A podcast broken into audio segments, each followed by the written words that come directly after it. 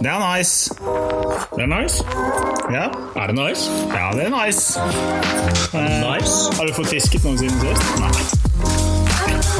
Nei. Nei, nesten ikke. Jeg har ikke fisket. Jeg vet at du har fisket. Ja, jeg har fisket. Det, har vi laget sånne jingles og sånn? Nei. Jo. Nei, jeg har ikke kommet sånn. Nei, men vi skal lage det før den blir uh, sluppet. Ja, jinglen er nå ti bomter, ut på tur. Det så dårlig. men eh, det gjenspeiler oss i det vi skal. Ikke gjøre det for avansert. Har vi laget noe notat i dag til hva vi skal snakke om? Nei, Jeg muta. Nei.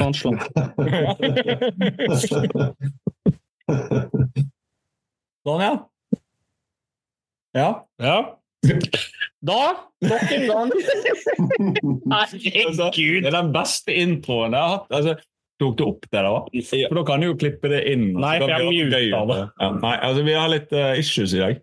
Ja, Det er barn. det er barn. Altså, I dag dine barn, neste gang er det mine barn. Ja, Det er liksom sånn det er å ha barn. sånn er det å ha barn. Ja.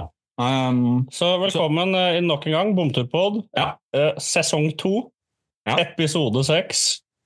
Forrige episode så var vi så smarte at vi ba om forslag til episoder. ja. Og Det tok ikke mer enn 36 sekunder, tror jeg, fra den episoden la ute til vi fikk noen forslag. Nei. Uh, og så slu som vi er, så har vi jo da bare hanka inn han som kom med det første og beste forslaget. Han skal få lov å være med, og Ja, Det er jo en kar vi har hatt med før. ja, Og denne episoden her, den kommer til å være litt sånn Jeg skal holde meg litt i bakgrunnen. ja det tror jeg er lurt. Ja, fordi at eh, Mine EDB-kunnskaper er på høyde med Dagfart Tønnesen sine EDB-kunnskaper. Ja, referanse til gå inn og se der. Ja, altså, han har lagt ut en gøy video som vi har vært med å påvirke. Mm, opp mot noe fisk. Han fisker, da. Han fisker. Ja, Vill på fisking. I uh, full lordedress og sixpence og Det er ganske gøy. Gå inn på Dangfart og se den. Den er ganske morsom. Ja. Men det er kun morsomt hvis du bor i Bergen og veit hva bergensere er for noe. Ja, for du Fordi- visste jo faen ikke hvem Dangfart var. Nei. Vi- Det, Han er superkjendis i Bergen. Ja. Vet du hvem Dangfart er? Dangfart Ja, ja. Er ikke han Ja. superkjendis i hele Norge, da? Han uh, popper Ja. opp på Facebook og alt mulig stadig vekk. Så, Det ser du, Simen. Ja, det, er, det er kun meg som Ja. ikke har fått det med Ja. meg. Siste videoen hans der, da, det, der, er, der er vi sterke påvirkere, for å si det sånn. da. mm. Du skal, ikke, du skal ikke leite lenge før du finner oss i, i videoen. Ja. Eh, Nå sniktitta litt der, ja. Ja, nå, er det jo, nå har dere jo hørt, kanskje, eh, og for de, den ivrige lytter av Bomtur, velkommen Lars Holte. Takk for det, takk for det. Og du kan jo selv si litt eh, kjapt, sånn som du var inne på i stad, hva er det du, du, ditt forslag var? Jeg kom jo med et forslag til en pod, og kanskje bare blåse gjennom rett og slett alle artene i havfiskeren. Og ta en kort oppsummering om uh, når er det best å fiske det, hvor er det best å fiske det, hvordan er det best å fiske det, type tackle, type agn, habitat. Og uh, så har vi lagt på en liten sånn uh, cheat code på hvordan få maks score på, på de fiskene. Ja. Og, og nå som jeg var med det å komme med forslag, så ble jeg jo hanka inn for å gjøre det også. Så det ble jo litt, litt ærefrykt. Jeg er vel ikke verdensmester i samtlige, det er vel litt, uh, litt flåsete å påstå, men uh, jeg kan prøve i hvert fall. ja. Altså, du har teorien klar til å være verdensmester. Teorien har jeg, men det meste har jeg henta ut fra eget hode. Da, så har jeg småtitta litt på hyse og lomre og sånne teite ting som vi ikke har fiska tonnevis av selv. Ja, for lomre det er en forbanna teit altså Før vi går i gang, lomre det er en forbanna teit fisk. ja, det er en teit Jeg har en historie som må bare blåse gjennom der. Jeg har prøvd på lomre nå, eh, i hvert fall hatt åtte-ni turer på en plass hvor vi vet at det er lomre. Altså, du ser det jo framme for overflaten omtrent. Og så Først så kommer Magner Magnar, slipper uti, bruker en halvannen time, får seg en lomre som er ganske stor. Og så kommer andre, så får han seg faen meg en lomre òg. Han får to. Han får to, ja. Og så er jeg der og fortsetter å fiske, og så ringer min far meg, så spør han eh, han er fersking da i år. Han er med liksom for å trene litt. Så ringer han meg, og så eh, det er ute og fisker, jeg har pause fra jobb i to timer. Ja, jeg er nå nede på kaien der og der. Og så Ja, jeg kommer ned. Har du en stang jeg kan låne deg? Ja, jeg har en stang du kan låne. Plumper han uti noen rekebiter og noen greier. Går det kanskje to minutter. Murer han opp en lomre. Og så Nei, da må jeg gå på jobb igjen, sier han da. Så um, ja. Det er klassiker, det der. altså. Det kjenner til den, den typen historie. Den er ganske vanlig. altså. Ha med seg en eller annen som nesten ikke har fiska, og får uh, akkurat det de skal ha i store størrelser med en gang. Det er, eh, Det en er, rar, det er sykelig provoserende, da. Ja. Det skal være sant. Men du må ikke fiske lomre med reke. Det går ikke an. Nei. Å nei. Nei, Men det kommer vi inn på senere. Dette kommer vi inn på senere. Men eh, vi var jo en Jeg må jo bare ta den digresjonen. Vi var en, en liten tur på, på noen brygger i dag eh, også. Mm. eh, med min datter. som da har begynt nå å dyppe lilletåa i havfiskeren. Mm. Har nå da fått fire arter på tre, to dager. Ja. Fantastisk. fantastisk. Siste overraskende arten er jo da lysing på bryggefiske Ja. Etter lomre. etter lomre. Mm. Simen har heller ikke fått lomre, nemlig. Eh, Så dukker det lysing opp på 43 sand. Men det inngår i det hab- habitatgreiene som han kommer til nå. Ja. For da skal vi se om det er samme habitat der. Men jeg tror at skal vi rekke nå dette her innenfor rimelighetens grenser, med Martin og utskeielser og full pakke, så tror jeg vi rett og slett starter med art nummer én. Lars. Ja. Da får vi begynne å blåse gjennom uh, alfabetisk. Da går vi ut med berggylte først. Uh, når er det best å fiske den? Det er jo i hovedsak på høsten. Det er da de største uh, av berggylte er i bittet. Ja, Mm, jeg, har, en... oktober. Jeg har notert meg der at de største artene er tatt juli til november på artsfiske. Ja. November er jo litt, uh, litt seint, men noen slengere kan du få. Du kan jo få kjempestore på isen også. Ja. Og, I hovedsak da, det er da de skal spise seg opp etter gyting. Uh, så er de i full fart. Litt før det så kan det være tregt på mye smått. Uh, hvor i landet? Ja, sør for Trondheim, basically. Så er det brukbart. Hvordan fiske berghylte? Paternoster, to kroks. 1-0-krok. Vi går jo for litt uh, stor fisk. Mm. Dunke bly i bånn, vent litt, repeat. Ja. Agn. Og den er uh, i hovedsak kokt reke, men en joker som kan være utrolig bra, er faktisk krabbe. Ja. Strandkrabbe delt opp i to eller fire med, med saks. Kan være magisk. Det er triks. Det må vi prøve. Det må vi prøve. Sitter det på krok?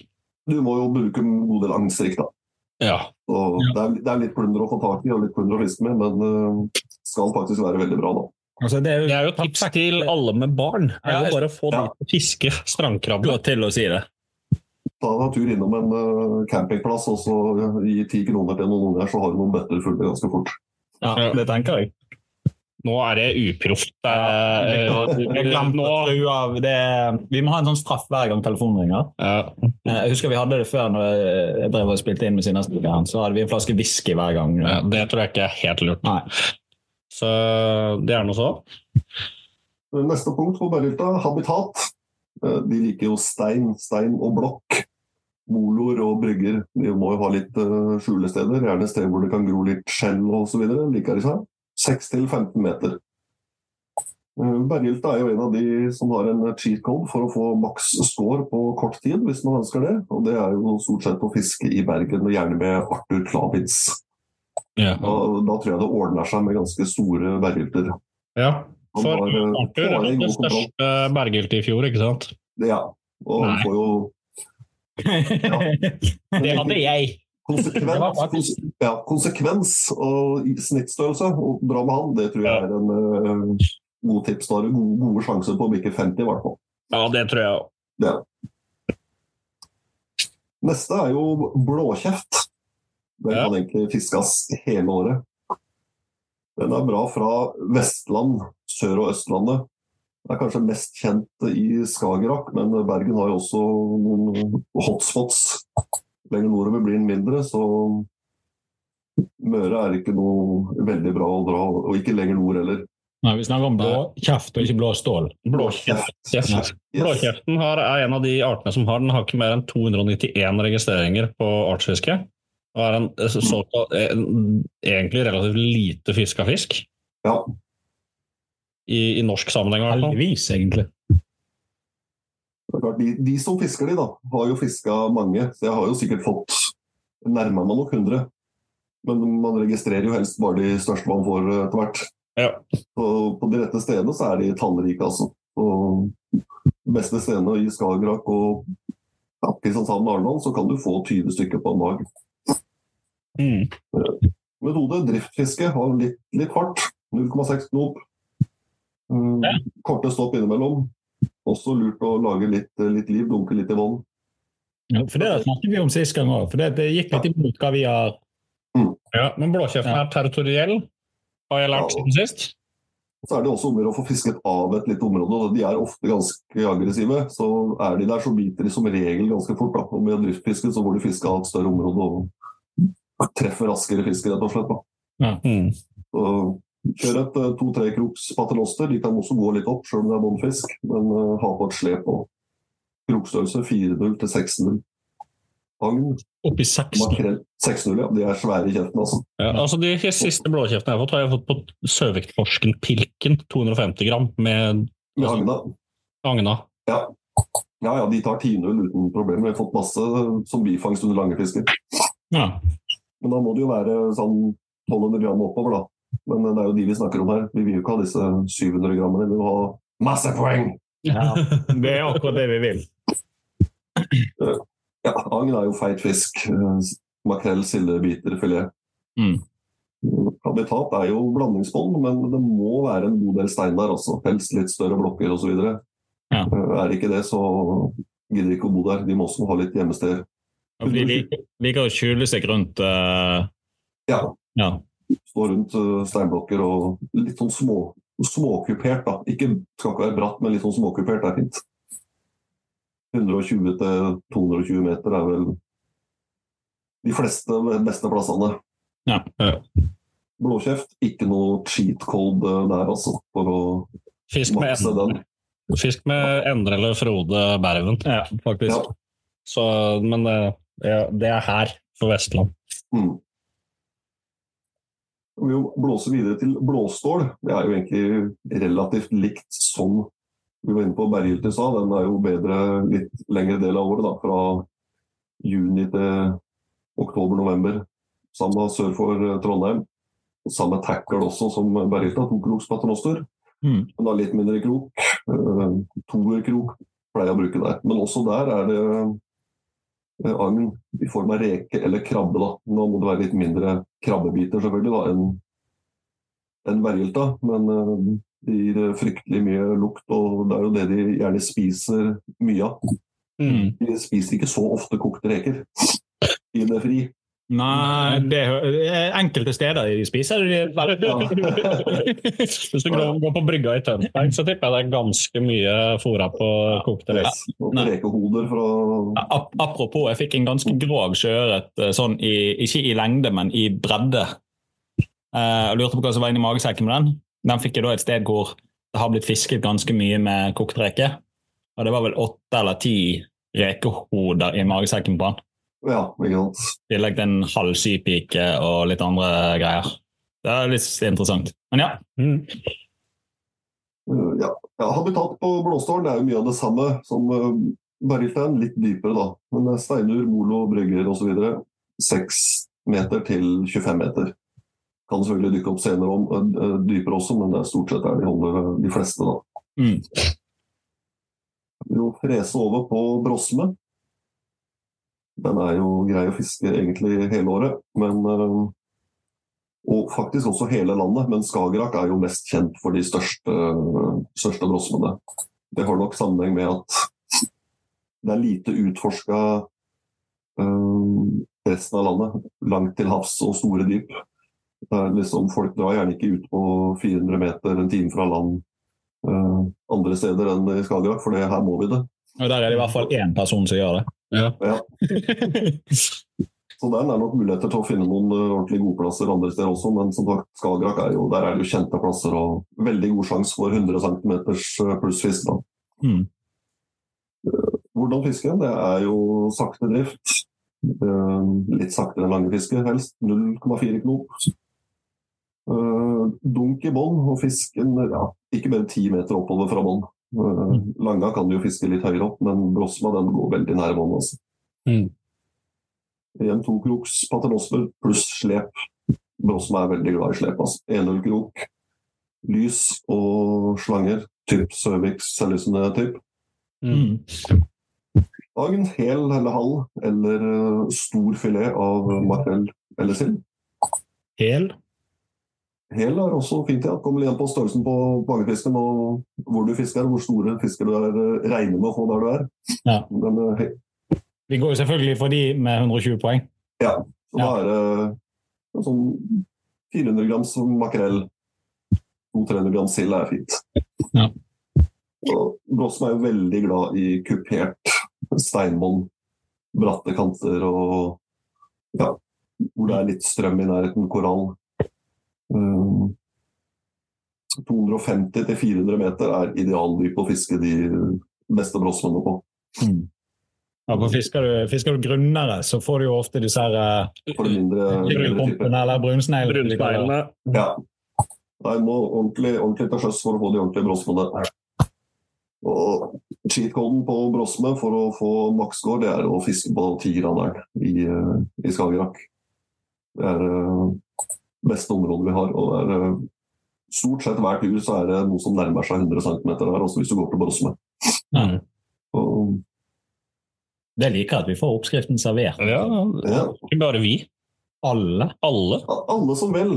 Ja, Dere er ingen unnskyldninger nå. Nei. Nei, Nei, faktisk. Og vi har ikke kommet lenger enn til Brosme ennå. nei, nå har vi vært gjennom fire. Nå har vi vært gjennom fire. Ja.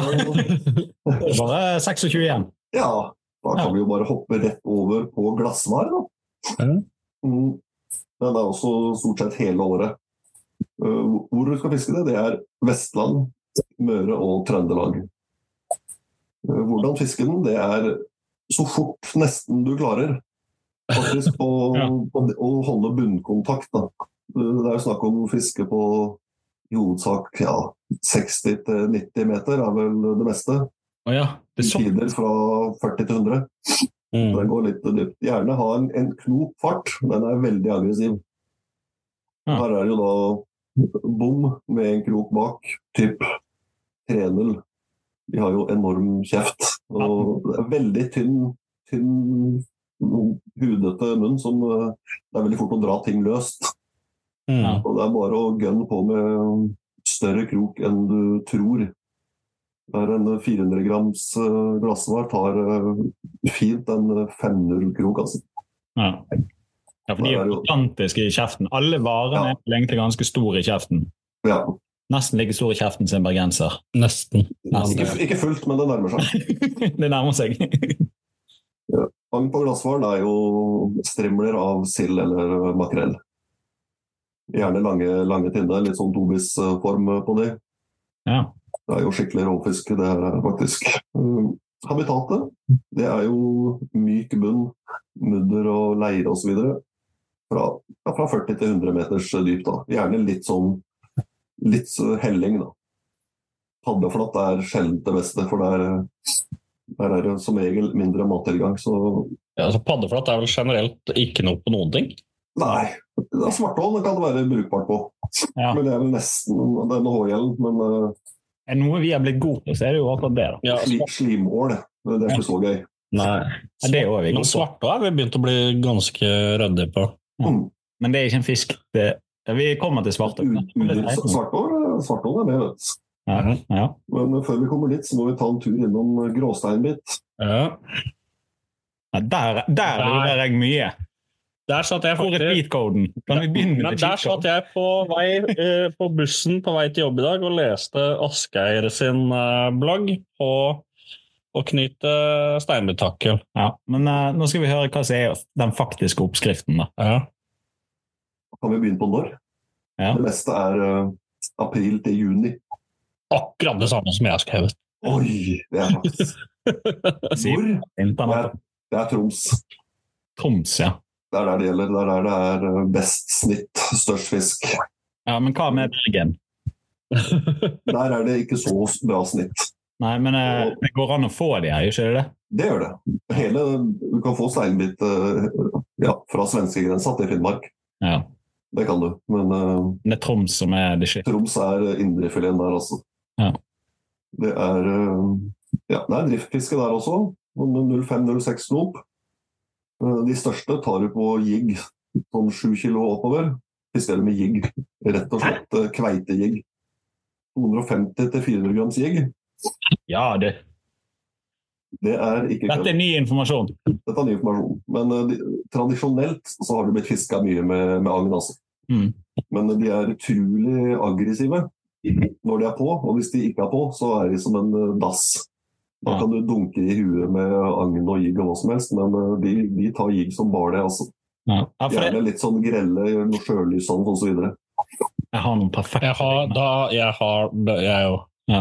Jeg kjøpte en gang på XXL noen sånne her svære, gule, selvlysende greier som aldri har vært brukt Ja, og så er det som jeg fant i restekassen på fletteriet. Jeg har noen sånne svære, stygge monstre som jeg ikke vet hva jeg skal bruke til. Ja. Nå vet jeg hva jeg skal bruke det til. Ja. Men Og eh, bare, rett sted og rett tid. Så, Ja. Ja, naturligvis. Men du må bare spørre litt uh, mens vi er i gang. Mm. Eh, fordi Det jeg har lært, det er at du skal bruke typisk sånn Søvik-torsken-opplegg, og så skal du knyte på en filet på kroken på den, og så skal du ligge og så skal du aggressivt dunke i bunnen med den. Ja. Ja, det, det funker det, altså på, også på litt større og og mindre, mindre steinbit. Men problemet ofte der da, at der har du ganske stor sjanse på å sette deg i bunnen når du dunker med en trebbel i bånn. Mm, Uh, og er du på rett sted på rett tid, så er jigg uh, vesentlig mer effektivt, altså. Det har jeg påstått. Ja. Men klart skal du leite opp og finne gråstemmet så er det jo bedre å bruke agn. mm, Uh, Jeg ville brukt bom og slep med mye bling og dunka det blyet masse i bånn lagd masse lurveleden for å få oppmerksomhet og trigge dem. ja. Um, Da har du mindre sjanse for båndfast som har med en pilk, og så ja, har du mer eh, mulighet for å sette på spinneblader og lys og diverse. Ja. Apropos dunking i bunn, hvis det er lov å si. Eh, Mm. så kommer jeg tilbake til eh, det på en fisk som Jeg skal spørre om det når vi kommer litt lenger ned i lista. Mm. Ja, men ja, gønn på. Steinbit er habitat. Det er jo, den liker jo steinbånd.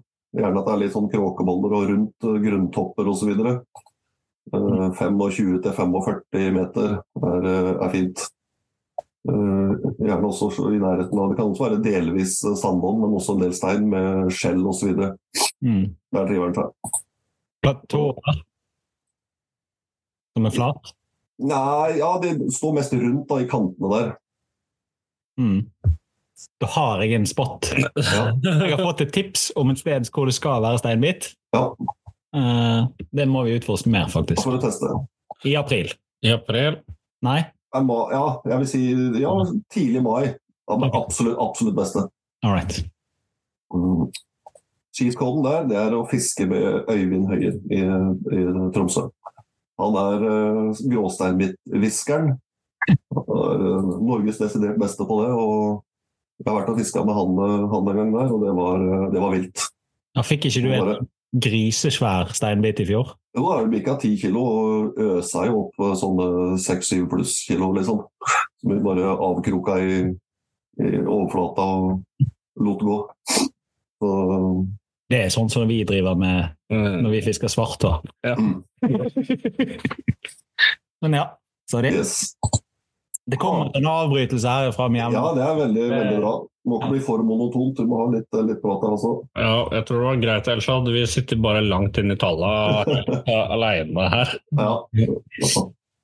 Uh, Havabbar det er jo en av de jeg ikke skal påstå at jeg er noen verdensmester i, for jeg har jo fått én i Ja. mitt liv.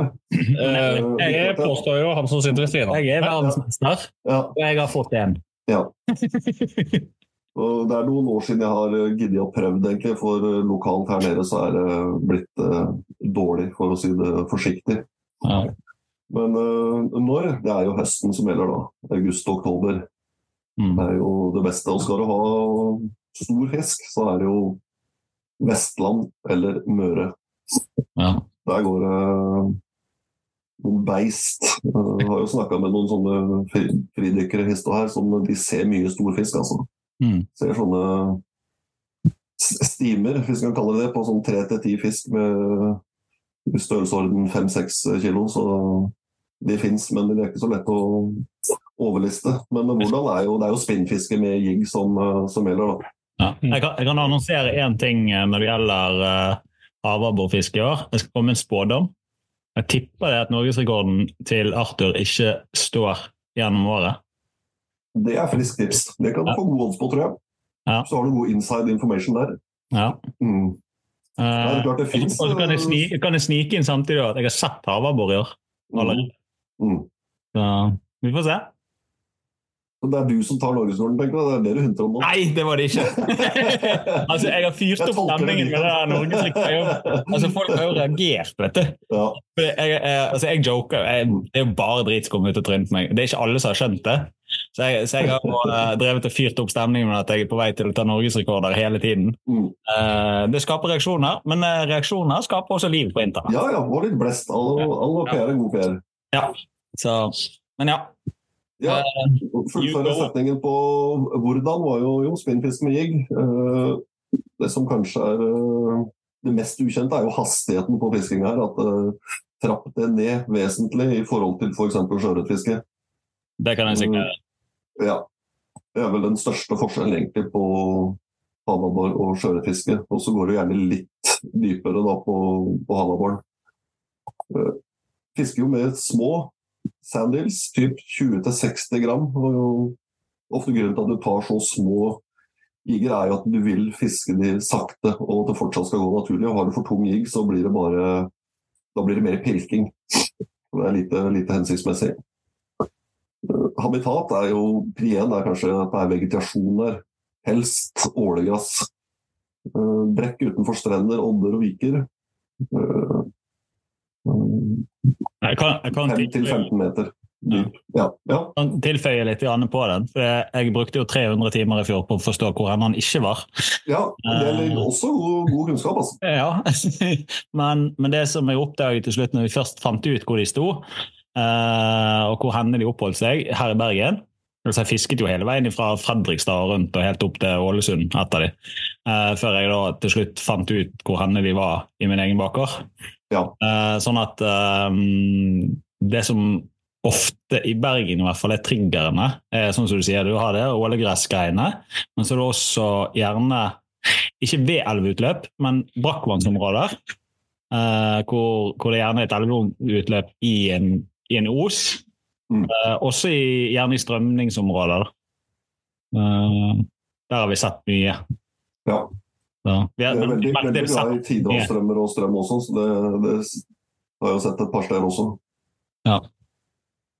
Uh, Havabbor er en av de fiskene som har en eh, cheat code for å makse scoren sin. Det er jo å ta en tur med Arthur Klavitz. Yes. Det var vel ikke kjempeoverraskelse, den eh, cheat coden der, men eh, dog. Den er, eh, den er tydelig.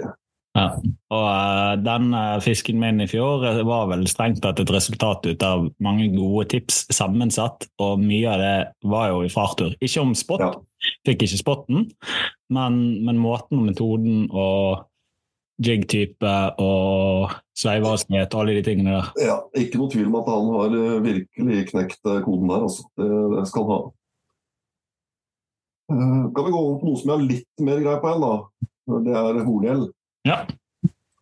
Det er fra midten av mai til september-oktober er best. Tidlig på året så er det jo offshore, faktisk, er veldig bra. Ja. Før de kommer inn i fjordene, så er det spesielt, i hvert fall i Skagerrak, da, så er det enorme mengder som kommer. Du, hvis det er helt blikkstille vann når du kjører utover, så ser du det spruter eh, horngjell overalt. Tidlig, tidlig på året, så vi kan fiske håkjerring og horngjell samtidig. Det er en kombinasjon. Det er en fiffig kombinasjon. Mm. Kjører, uh, kjører de som agn etterpå, da, H-hjelm. Ja, ja, det er helt gull, det. Øh, hvor? ja, fra svenskegrensa til Trøndelag er jo gode horngjellområder. Hvordan? Jeg vil si at kanskje den øh, beste og mest effektive metoden er jo duppmeite. Mm. Og et viktig punkt der er å gi de god tid før du gjør tilslag, for de er ræva på å få kroken øh, godt inn i kjeften og ned i magen. Altså. Det har vel litt med utforming av uh, munnagrepet Ja. på å si. På Ja, Bergen kaller vi ofte nebbsild. ja, det er jo steinhardt det nebbet. Så så sånn hvis du, får, hvis du kaster deg med sluk eller wobbler, så får du litt horn igjen da også, men da sitter jo trebberen stort sett fast i gjellelokket eller noe sånt, nå, ikke, ikke i kjeften. Mm. Så, så i god tid opp og fisk enten med sånn typ fire krok i firestørrelse, langskafta enkelkrok med makrellstrimmer Mm. av sånn mageskinn, eller en liten, liten trevlekrok med en uh, brisling eller et obis på. Apropos Det det. de- de beste. Ja. Mm. Ja. Alternativt så er det jo Sorry. ja. Fortsett, du. Uh, Spinnfiske med dansk sånn silketråd har også vært uh, veldig effektivt. Altså, jeg testa det litt seinere på sommeren. Da. Uh, det er litt kjedelig å stå med det midt ute på havet. Føles litt, føler deg litt liten. Men når, på høsten, rundt odder og viker og plutselig utsida sandstrender og sånne ting, rundt skvalpeskjær, så er det faktisk veldig effektivt. Altså. De sitter overraskende godt på det, bedre enn på, på trevlekrok og, og enkelkrok og sluk og wobbler. Jeg har et spørsmål, da. Mm. Ikke jeg ødelegger havfiskerne? Men må du liksom i truseskuffen til kona for å finne klippe opp en blondetruse, liksom? Du får kjøpt sånne ferdige. Ferdig horngjell eller Det så er driten, da, er at når du kommer hjem så sjekker hun historikken din på hvor hen du har vært og handlet. Mhm. Hvem faen er det du har kjøpt truser til? Jeg har vært og brukt de når jeg fisket. Ja. Ja, det er smart. Men, men, eh, men eh, Bruk hash. Det er en fordel. ja. Så ikke du får det på korthistorikken din. ja. Det er triks. Ja. Men eh, Det var, det var cheat-coden faktisk for horngjell.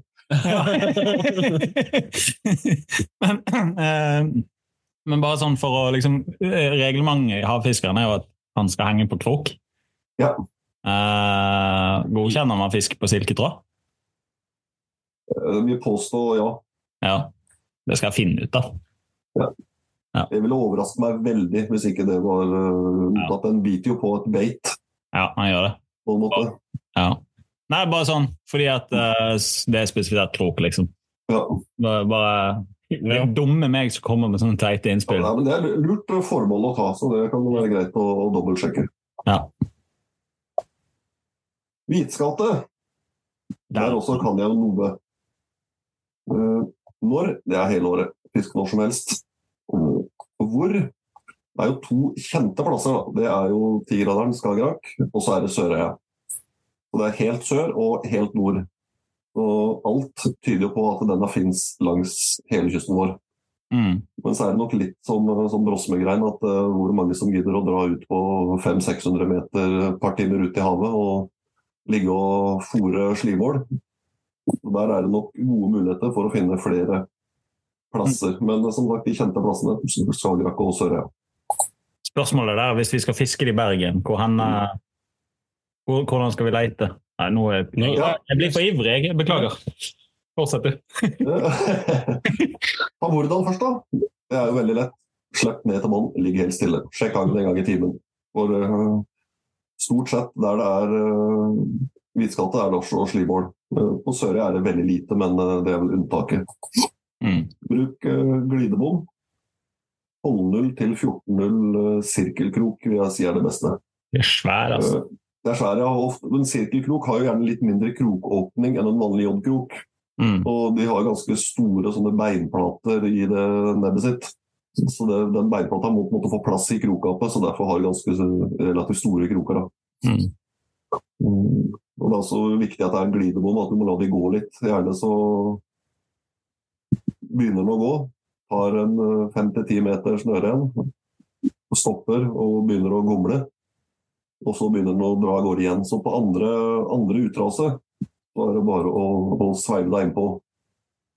Mm, Og Da skal du ikke gjøre noe sånn voldsomt tilslag, da, i hvert fall ikke før du har 100% vekt på kroken. For du vil jo da nødvendigvis løfte blyet lenge før du får kontakt med fisken, i og med at du har latt den gå en god del meter først. Mm. Det er jo samme på spisskatt også, som vi tar etterpå. Hvor lang eh, stokk får tomkjører, da? Ja, den trenger ikke være mer enn en halvmeter, egentlig. Ok.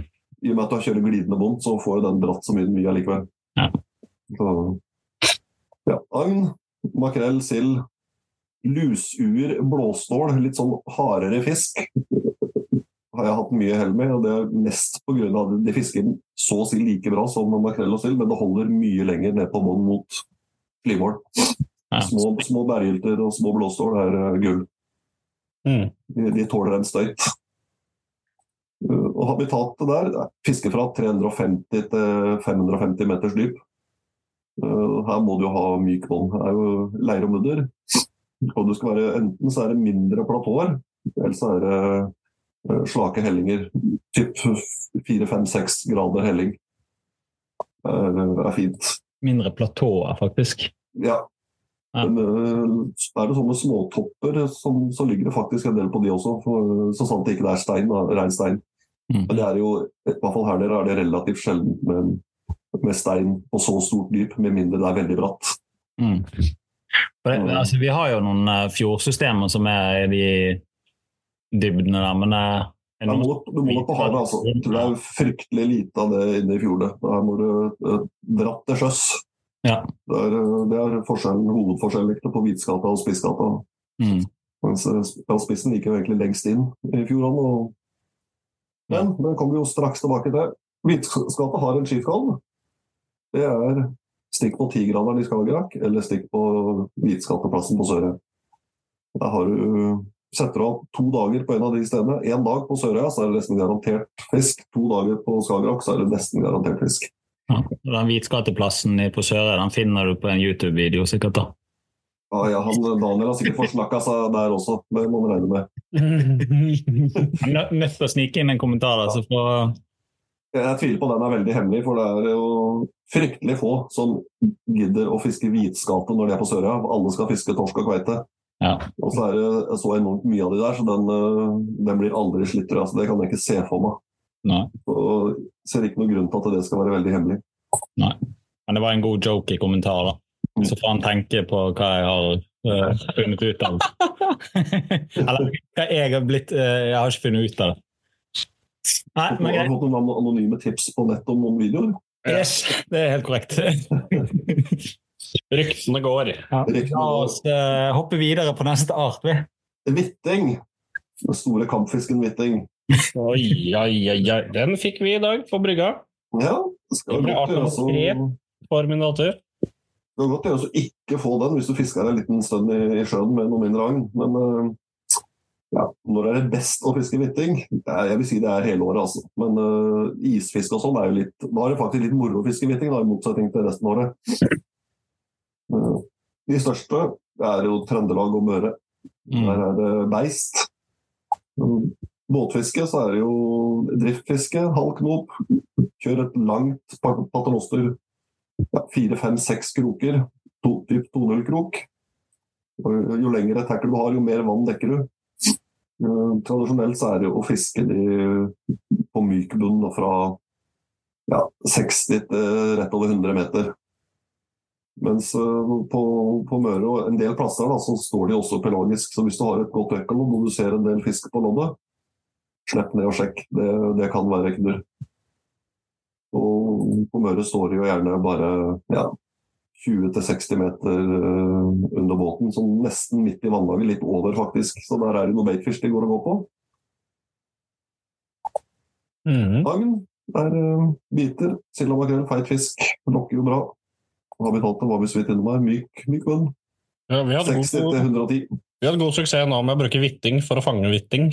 Ja. Ja, men- for agn. Den tar jo det meste. Mm. Men klart, eh, Fordelen med sild og makrell, som har mye olje, at den lager jo større duftspor enn hvittingen selv. da. Ja. Den er egentlig en mager fisk, men eh, klart, ser den agnet, så tar den det jo. Mm. Brukte hvitting på hyse òg. Det var faktisk ganske effektivt. Men da brukte jeg lange strimler. Ja. Egentlig lange strimler, så funka ikke ja, nei, Samme det. Hvitting har jo cheat code. Uh, sikkert ikke så veldig overraskende. Tar en tur til Daniel eller Jørgen, fisk litt pelagisk hvitting med de, så De er vel... det er 120 poeng godt innafor. ja. Men de der fiskene de har fått der oppe i år, er jo helt Ja. latterlig store. Ja. Jeg var jo der en tur i fjor òg. Jeg jo Jeg hadde jo sånn 120 poenger, jeg også, så det, var, eh, det er helt rått med hvitting der oppe. Altså. Ja. Det er slitsomt Det er når jo- blir en stor matfisk. Ja. Klart, den den er jo, garant, det er jo enormt mye hvitting, og det finnes jo 10 000 plasser av det andre steder også, som sikkert har tilsvarende størrelse, men det er det å finne det. Da. Så det er, jo, det er jo lettvint å gå i andre sine spor hvis man vil gjøre det. Mm. Det er jo greit å, Man kan jo få lov å skjemme seg bort med en, eh, en cheat code eller tre på, på en fisk i løpet av året. Ja. Det må være lov. Ja, Det må være lov. Vi har mye cheat codes. Vi skal ikke pårope oss at vi kan fiske. Nei da, vi, har bare, vi bare surfer på andres bølger og later som vi driver med noe ordentlig. vi. Ja. Det men det er blir- det greieste. Vi er blitt gode på å late som vi kan. Ja, kjempegod. Altså, vi er blitt så gode på å late som vi kan nå at vi blir invitert på sånne her, uh, fiskearrangementer og sånt for å holde seminar. Ekspertutvalget i uh, Ålesundfestivalen, eller hva Det det er korrekt. Mm. Det er korrekt. Eh, Helt gull, det, altså. Ja. Altså, litt liv, og, litt liv og røre må det være lov å bjuda på. Ja, og så tenker jeg at Det å så videreformidle informasjon, det får vi til. Eh, og så det å lage litt underholdning, det tror jeg også vi kan klare å få til. For de som liker dårlig pappahumor. Ja. Ja. Ja, nei, Så det var, videre. nok Det var en digresjon. Nok en digresjon. Ja. Så vi går over til Kolja, da, som vi sier. Ja. ja. Også kalt Hyse på det rettsida av fjellet, er det vel det de sier? Ja. Røkt kolje er jeg Røkt kolje. Ja, ikke Det er sant? vokst opp med at det heter. Den Fisk. er veldig beige og brun. Ja. Beste tida på den er jo februar til mars. Det er jo når de kommer inn for å gyte, at storfisken kommer inn og samler seg i store hoper. Da er det jo lettest å, å fiske de også. Beste områdene er Vestland, Trøndelag og Møre. Som er en gjenganger på et par andre arter vi har vært innom tidligere og kommer til å bli innom senere. Ja. Kan det ha noe med fiskerne i de områdene å gjøre? Noe har det med det å gjøre, selvfølgelig. Men eh, jeg har jo fått meg og Knut Erik da, på vårt lag, vi har jo fått i hvert fall si, 200 hyser har vi i hvert fall fått i år. Eh, og vi har vel hatt én som er, over, som er på 41 cm, og de fleste er på rundt 20. Så store, store hyser, det, det fins rett og slett ikke her. Nei, vi har liksom ikke, jeg har liksom ikke prøvd på sånn ordentlig etter hyse enda. Vi hadde én. Men jeg har en på 55, men det, er- det er Ja. sånn ute å prøve sånn intenst. Ja. Og det kan vi jo bare glemme her dere. Når Ja. du fisker etter det i fire måneder hver dag, så, så får du rett og slett ikke det. Men vi har noen steder som uh, Faktisk min far igjen. Uh, mm. altså Han er jo ikke amatør, han har jo fisket i alle år. Men uh, som havfisker han er han litt amatør, holdt jeg på å si. Der, der har han øvingsåret sitt i år. Men han har hyse målte det på, Han har stampen sin. Uh, så han bilder ifra for Han mente han hadde fått noen digre hyser. Eh, Så har han stampen sin. Den er 100 cm. Eh, og de hysene rekker nesten gjennom hele stampen. Ja. Så, Ja, Hyse er jo gjerne sånne, Den eldre garde har jo litt greie på hyse, for det var jo en god matfisk. og Det har jo på en måte blitt fiska i alle år. Ja. I motsetning til skater og svarthå og sånn, som ikke noen har brydd seg om uh, før nå. Det var godt det var Lars som sa at uh, det var den eldre garde, så slapp jeg å gjøre det. Ja.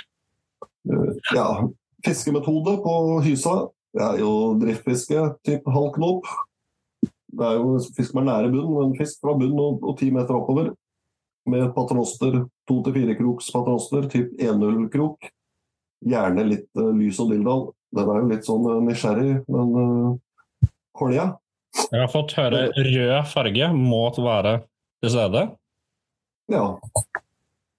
Ja. nok, eh, men det gjelder faktisk veldig mye fisk. Altså, at det er en fordel på veldig mye fisk. Mm.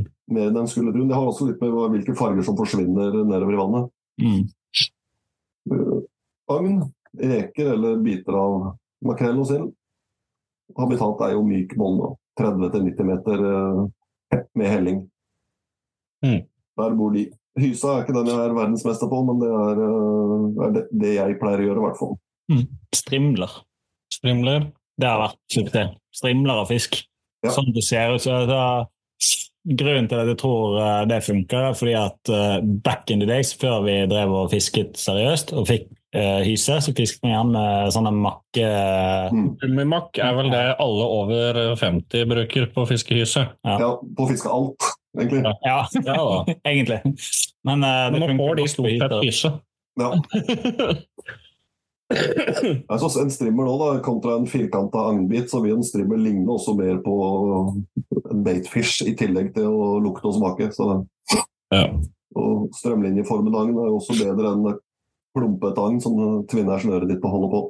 Og det er mange grunner til at strimler ofte er bedre enn eh, klosser. Ja. Mm. Knurr. Ja, Hva var cheat-coden på hyse, da? Nei, den har ikke noe cheat code.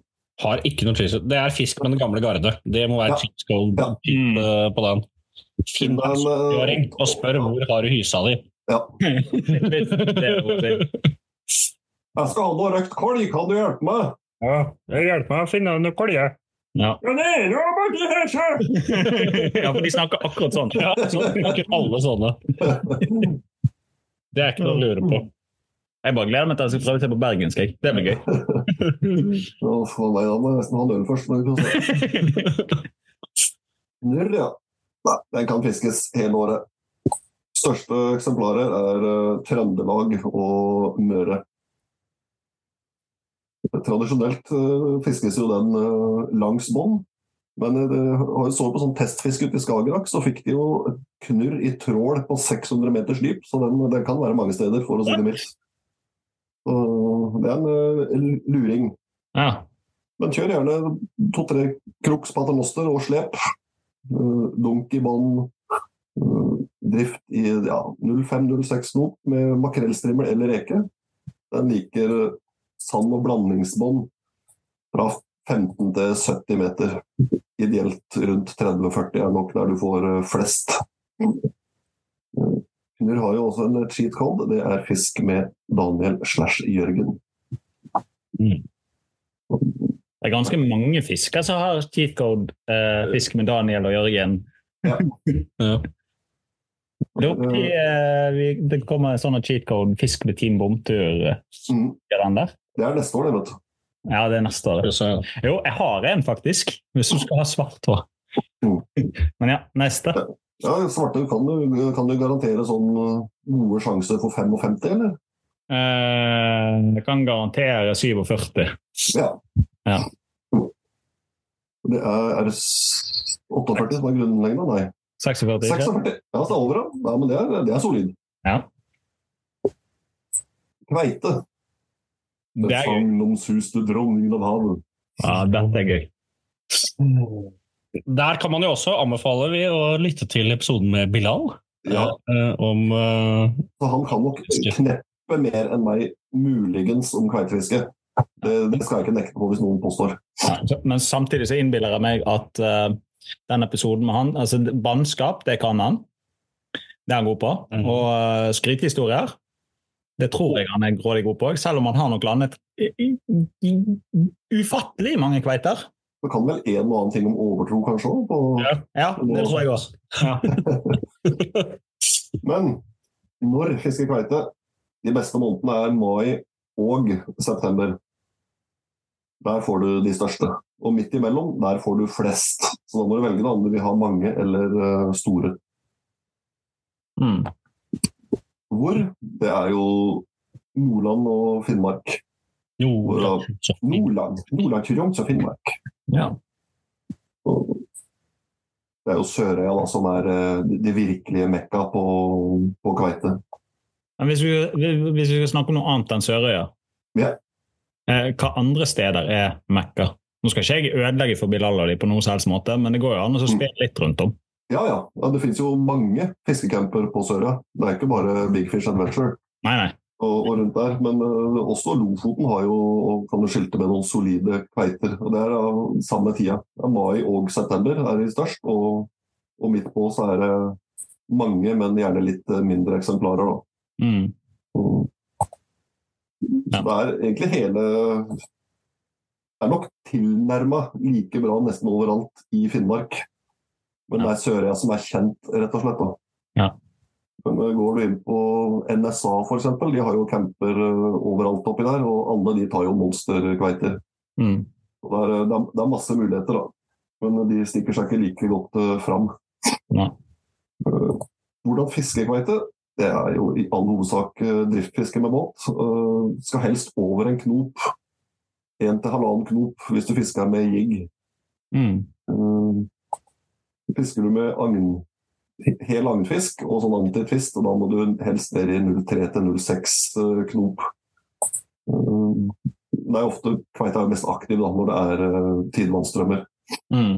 Prøv å fokusere på de når det er over en knop strøm. Jiggene 350 til 500 gram. Enten rosa Rosa er eh, veldig ofte veldig bra, eller naturlige farger. Notert. Eh, Skal du kjøre agnfisk, så er det jo hel sild, makrell eller sei på sånn antitvist-rigg som er tingen. Kan også du spraylakke agnfisken rosa òg, eller holder det Ja, ja, Det aller beste må jo da kanskje være røye. Ja, Ja, faktisk. Så, noe sånn koi-opplegg? ja, ja. Men uh, jeg har også lært meg én ting, og det er at uh, nå på uh, hva skal jeg si, april-mai-fiske, så er det best med jigg. Og så er det utpå høsten, september og opplegget, så er det bedre med agn. Stemmer det? Jeg vil si at Det kommer litt an på når på dagen du fisker også. At du fisker når det er eh, veldig bra strøm, så ville jeg gått for, agn, nei, vil jeg gått for jigg uansett. da. Ja. Og så mellom de tidevannstoppene, da, når vannet er roligere, så ville jeg gått for agn. Ja. Men hva grunn Det er min personlige mening, da. Mm. Eh, Jeg vet ikke om vi har sagt noe om habitat ennå. Nei, habitatet er jo Det må være noe sand, i hvert fall. Sand og blandingsbånd. Blandingsbånd er bedre enn rein sandbånd. Mm. 20-50 meters dyp er der du finner de fleste, altså. Ja. Eh, jeg har jo fått uh, kveite på både 220 meter og 550 meter, men eh, Ja. ja, desidert der det står flest, i hvert fall, for å få arten. De større står gjerne litt eh, dypere, og de vandrer jo opp og ned fra dypet. Er det ikke noe jævlig å dra opp kveite fra 550 meter hvis han er litt størrelse på? Det som er uh, veldig spesielt, syns jeg, og jeg skjønner ikke helt hvorfor, men det er lettere å dra opp en kveite fra 500 meter enn fra 40. Av av en eller annen finurlig grunn. Hmm. Uh, fikk kveite på Sørøya på 80 kg, den fikk jeg på 200 meters dyp. Det var, jo, det var tungt, men eh, det var uh, sakte og rolig opp, og landa den. Mens en eh, 30 kilo som biter på på 40 meter, den blir helt bananas og skal alle veier og opp og ned og utrass. Så det, og det er akkurat samme greiene jeg har hørt mange andre har sagt også. Og Snakka også med Roger ute i Skagerrak. Han fikk en kveite på noen og 40 kilo. Han trodde det var en brosme. Det var bare å vinsje opp, skjedde ingenting. Ja. De tar det nok veldig lugnt når de er på dypt vann.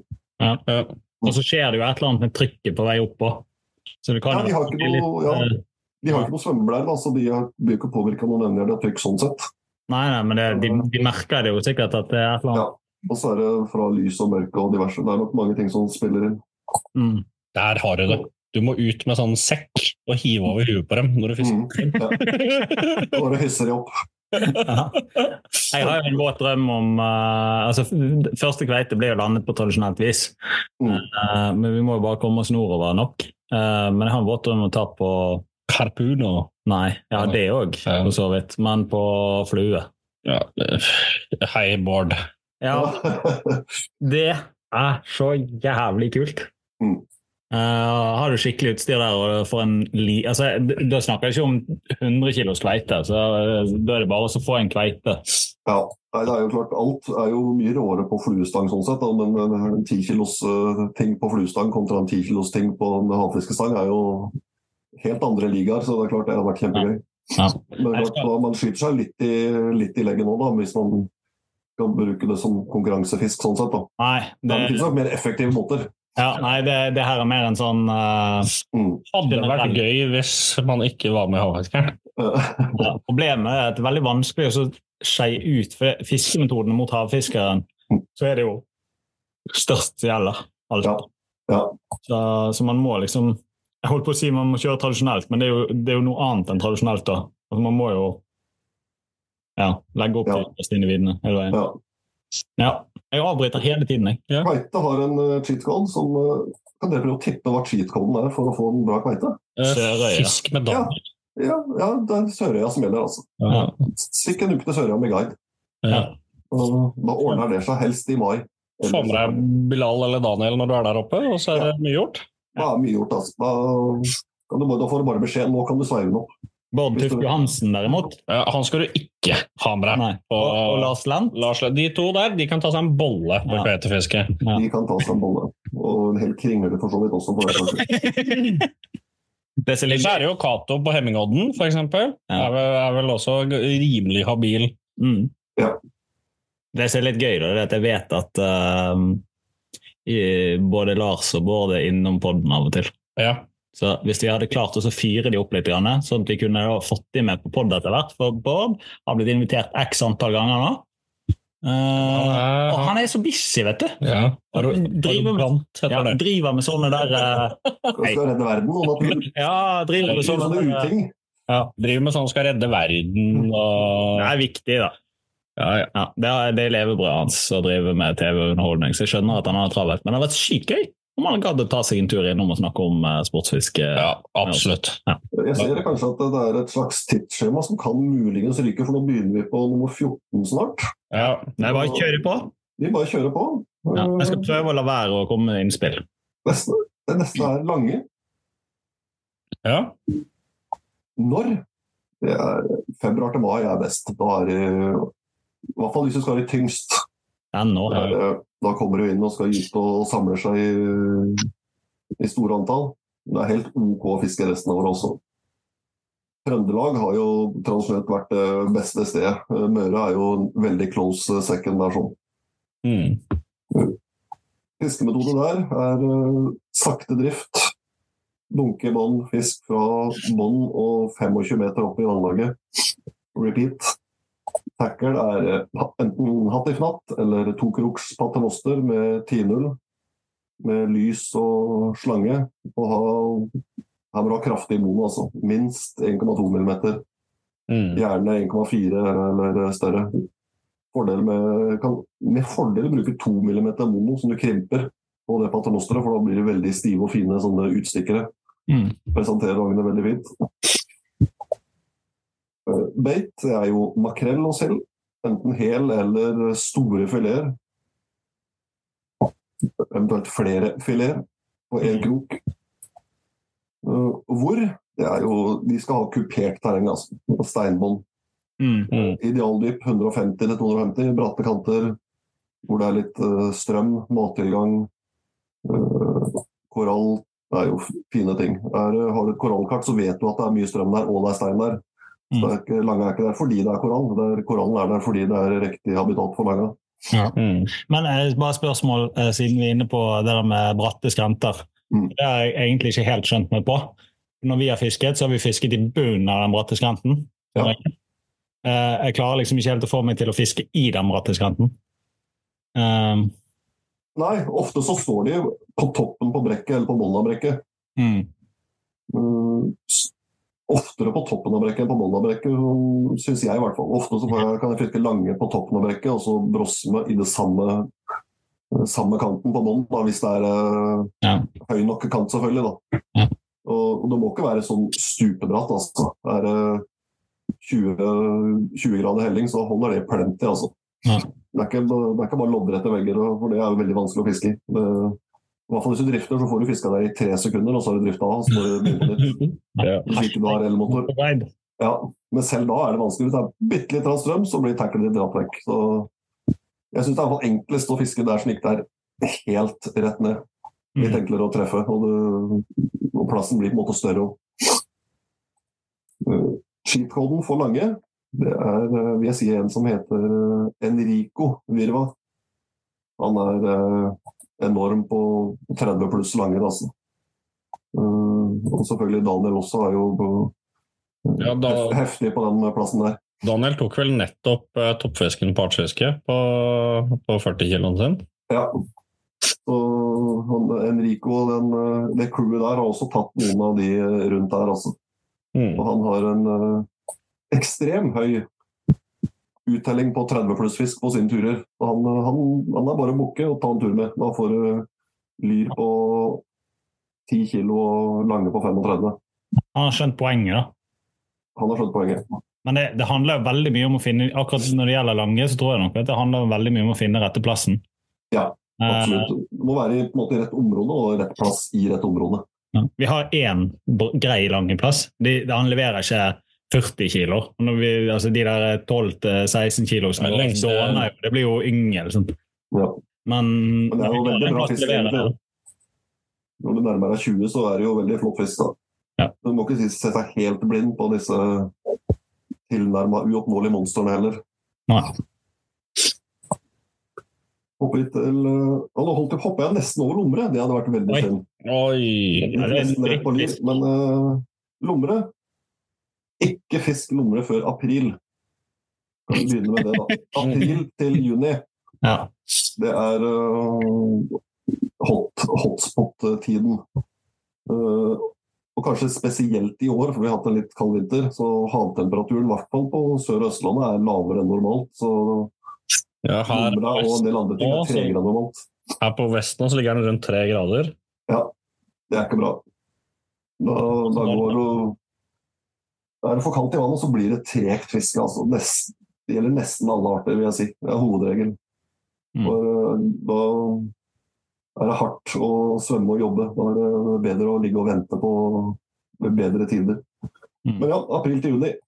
Fra Stavanger til Trondheim. Men uh, du får den fra Kristiansand til Finnmark. Faktisk oppe i Finnmark er det tatt noen skikkelig beist der også. Uh, Beist og beist, det er lomre vi snakker om. ja, relativt sett. Snittvekta på artsfiske er 460 gram. Nei, det er noe, det er ikke de største kampene å få de opp, det er det ikke. I hvert fall ikke med en eh, 50-punds-stang og en eh, Shimano 50-punds-snelle, så, så går det an å få det i land Ja. innen rimelighetens tid. Fiskemetode eh, det skal ligge stille. Det må ligge helt stille, flytte en halvmeter, repeat. Helt til du har kommet deg inn og kaste ut på nytt. Ja, der har jeg sett noen varianter engelskmennene bruker, hvor de har lodd i både topp og bunn av Mm. et uh, paternoster. Uh... Ja, det, jeg, det som er dumt med det, vil jeg påstå, da, det er at da kjenner du ikke nappa så godt. Og de her lomra er veldig forsiktige. Og da må jo på en måte lomra flytte det loddet for at du skal kjenne den. Og det, det er ikke en fordel, også, i og med at de er så sære og forsiktige. Men Klart er i skikkelig bettet, så er det jo greit, men da er jo det meste greit. Mm. Så kjør en uh, firerkrok, glidebom, lett lodd og agn med blåskjell. Det er greit. Du kan, du kan få lov å ha litt reke på kroken, men uh, smell på blåskjell også. Ja. Det, er, det gjør veldig stor forskjell. Og råreke, råreke er jo alltid bedre enn kokte. For uh, blåskjell, ferske, ja. Det må være rå. Det skal lukte og være et skikkelig kliss. Så må bruke litt angstrikk for å få det til å sitte på. Det er jo ikke noe, du trer jo nesten ikke kroken i det. Du bare legger det legger. en legger det oppå, og så bare surrer det fast. Men fire krok, altså? Ja. For de er bitte små i kjeften. ja. ja da, men skal du ha de si fra, ja, fra 400 gram oppover, så er det plenty. Altså. De, en del av de i Stavanger eksempel, så fisker de jo med, med enerkrok. Ah, ja. Og, men det er klart, det er jo også litt misvisende med sånn krokstørrelser, for det varierer så voldsomt fra merke til merke. Det irriterer meg noe grenseløst. Mm. At det er nesten umulig å kjøpe krok på nett. For uh, du kan kjøpe en uh, toerkrok av ett merke, og så en åtterkrok i et annet merke, og de er helt like. Ja. Nei, det er lagt merke til faktisk i det siste. Ja, nei, så det er, uh, er problemet. Gjerne litt sånn uh, lang longskeikhøkk, som vi sier på godt norsk. Mm. Som er litt lettere å få festa blåskjell og skrammel på. Habitat. Det vil si 10-30 meter. Uh, skjellbånd. Skjellsand. Uh, mm. gjerne i nærheten av uh, brygger og sånn er jo veldig bra. De elsker jo å være i nærheten av blåskjell. Ja. Uh, ikke bare fordi de liker blåskjell, men der er også en del børstemark som, som trives i sånne blåskjelltufser som de er glad i. Mm. Så moringer og diverse sånt noe, det er de glad i. Mm. Vi har jo den perfekte plassen. Ja, det er jo da, eh, fire lomrer på den plassen allerede, utenfor prime time. mm. Da må du prøve deg om en uh, liten måned. Nå skal du se det går bedre med blåskjell. Uh, Cheat-koden uh, det er en måte som er veldig lett på og få veldig stor lommerød veldig fort, helt uavhengig av når på året det er. Men det vet, ikke, det vet jeg faktisk ikke hva er, altså. men det finnes sikkert. Han blir sånn dårlige vitser. Så. Nydelig. Nydelig. Lyr. Ja. Her er primetime mars til mai, vil jeg påstå. Eh, Ja, her, skal vi, her skal vi være uenige. Ja, det kan vi være. Ja. Men eh, skal du ha de virkelig store havlyrene som kommer inn, eh, så er det primetime, altså, mener jeg, da. Som, vi, som ikke kan det. Så jeg påstår hvor Det er noen av oss Trøndelag og Møre. Ja. Eh, metode er jo ganske basic spinnfiske, rett og slett, med, med jigg. Eh, fra 50 til 150 gram, typ. Enten rødrosa eller grønn eller blå. Det er de tre variantene vi har hatt desidert mest eh, hell med. Den virker til å veldig ofte bare ta enten eller. Enten så skal den ha rosa, eller så skal den ha naturlige farger. Ja, det, Hvis vi med begge deler, så er det bare én av oss som får fisk. ja, Så ha begge deler i skrivene til enhver tid. ja det, har vi, det har vi erfart. Eh, Fordi går du to år tilbake igjen, så skulle den bare ha blå. Mm. På der hvor vi fisker lyr. I fjor skulle den bare ha rosa. Mm. Så jeg er litt spent på hva fargen blir i år. Har fått på begge deler allerede i år, men han har ikke helt bestemt seg, tror jeg. Det er viktig å være, viktig å være to personer, fiske samtidig med hver farge. Så finner du fort ut av hva som er best eh, for dagen. jeg juksa litt i dag, Simon. Mm. Jeg har vært nedom der allerede. Oh, ja. Fått meg en lyr på 65-70 Kilo? Ja, kilo. Ja, det er ja. heftig. Nå begynner han å få bilde. Det her, nå snakker vi. Nå sklir det helt ut her. ja, men du er jo da et par dager for sein, dessverre. Ja, ja. Ja. Habitat. Det er jo topper og kanter uh, i nærheten av litt større dyp. Den er jo veldig glad i strøm, haretopper og sånt noe. Fiskes uh, ja, 5-50 meter, med hovedsak 5-25. Uh, der har vi en cheat code. Det er å fiske med Enrico Virva.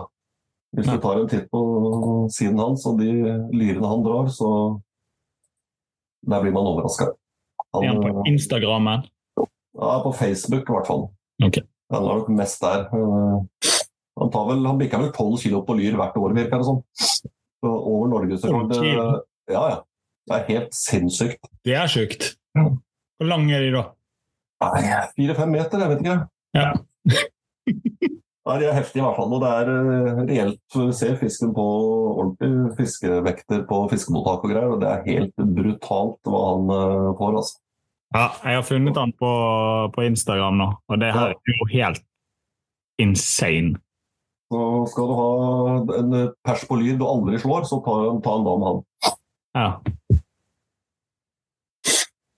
Men all fisken hans er jo svær. Ja, ja.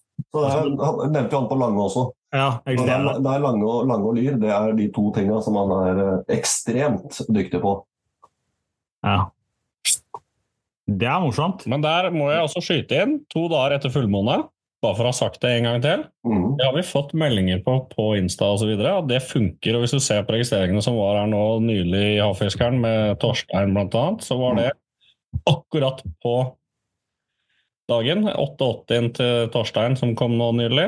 Ja. Og det er jo også, men det er noe med fullmåne, for da er det jo gjerne sterke tidevannsstrømmer også. Og strøm, og lyr elsker jo strøm. Ja. Så det er noe med, med den der. Den pleier å Mm. treffe veldig bra rundt, rundt fullmåne. Så har jeg sagt det òg. Ja. Jeg har brukt noe av det jeg lærte meg i fjor. Jeg datt helt inn i alle som sitter og hører Ja, på. da må du Stikk inn på Enrico sin eh, Insta-konto og hent inspirasjon, for det er bare om monsterfisk. Get blown away. Ja, det er sjukt. Men ja, jeg legger vekk telefonen igjen. jeg. Ta en titt på lysingen, da. Mm. Eh, Der har jo dere mye stor fisk borte hos Der regner jeg med Ja, der har vi Jeg har vært øh, oppi 12 cm på lysingen i år. Og det er ikke verst. Den var faktisk under minstemål, så den kunne ikke registreres. Det var jo synd, men øh, bortsett fra det, så er det jo juni-juli. Mm. Jeg sier sånn Tradisjonelt da er det mest fisk. Da hoper de seg i hop og skal gyte. og Da kan du få veldig mye stor lysning øh, på kort tid. Uh, kan jo fiskes hele året òg, men da er det jo litt, eh, litt mer sparsomt på antall. Men eh, størrelsen kan jo være vel så bra. Mm.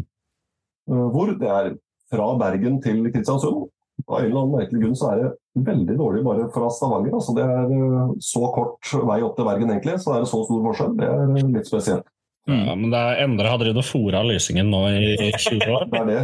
Eller er det noen sånne tyske båter som har gått ned, som ligger og svelger opp noe sånn beit eller noe? Noe er det. Ja. Ja. Men uh, lysingfiske kan jo bli helt insane. Vi har, Ja. eh, en ting, altså det, det vi egentlig startet det der uh, greiene våre med, var jo det lysinggreiene. Ja. Og vi fikk jo første året vi fisket liksom aktivt med type agn og hel makrell og sild og sånn, så var det jo lysing vi fisket. Og vi hadde ganske mange individer som lå liksom oppunder ti kilo. ja. Så det var det gøy. Det er magisk fiske altså, på når, det når du treffer de større ansamlingene der på sommeren. Mm. Metoden er jo ganske enkel. Det er jo sakte drift, dunkebånd, fisk opp til 40 meter, vil jeg si, opp fra bånd. Mm. Og gjenta det. Den, den kan jo stå litt oppover. ja, altså å har, bruke ekkolodd. jeg har spotfiska lysing på ekkoloddet pelagisk. Ja. Det, Det er store fisker, så de syns jo godt på ekkoloddet. Mm. Det er ganske gøy.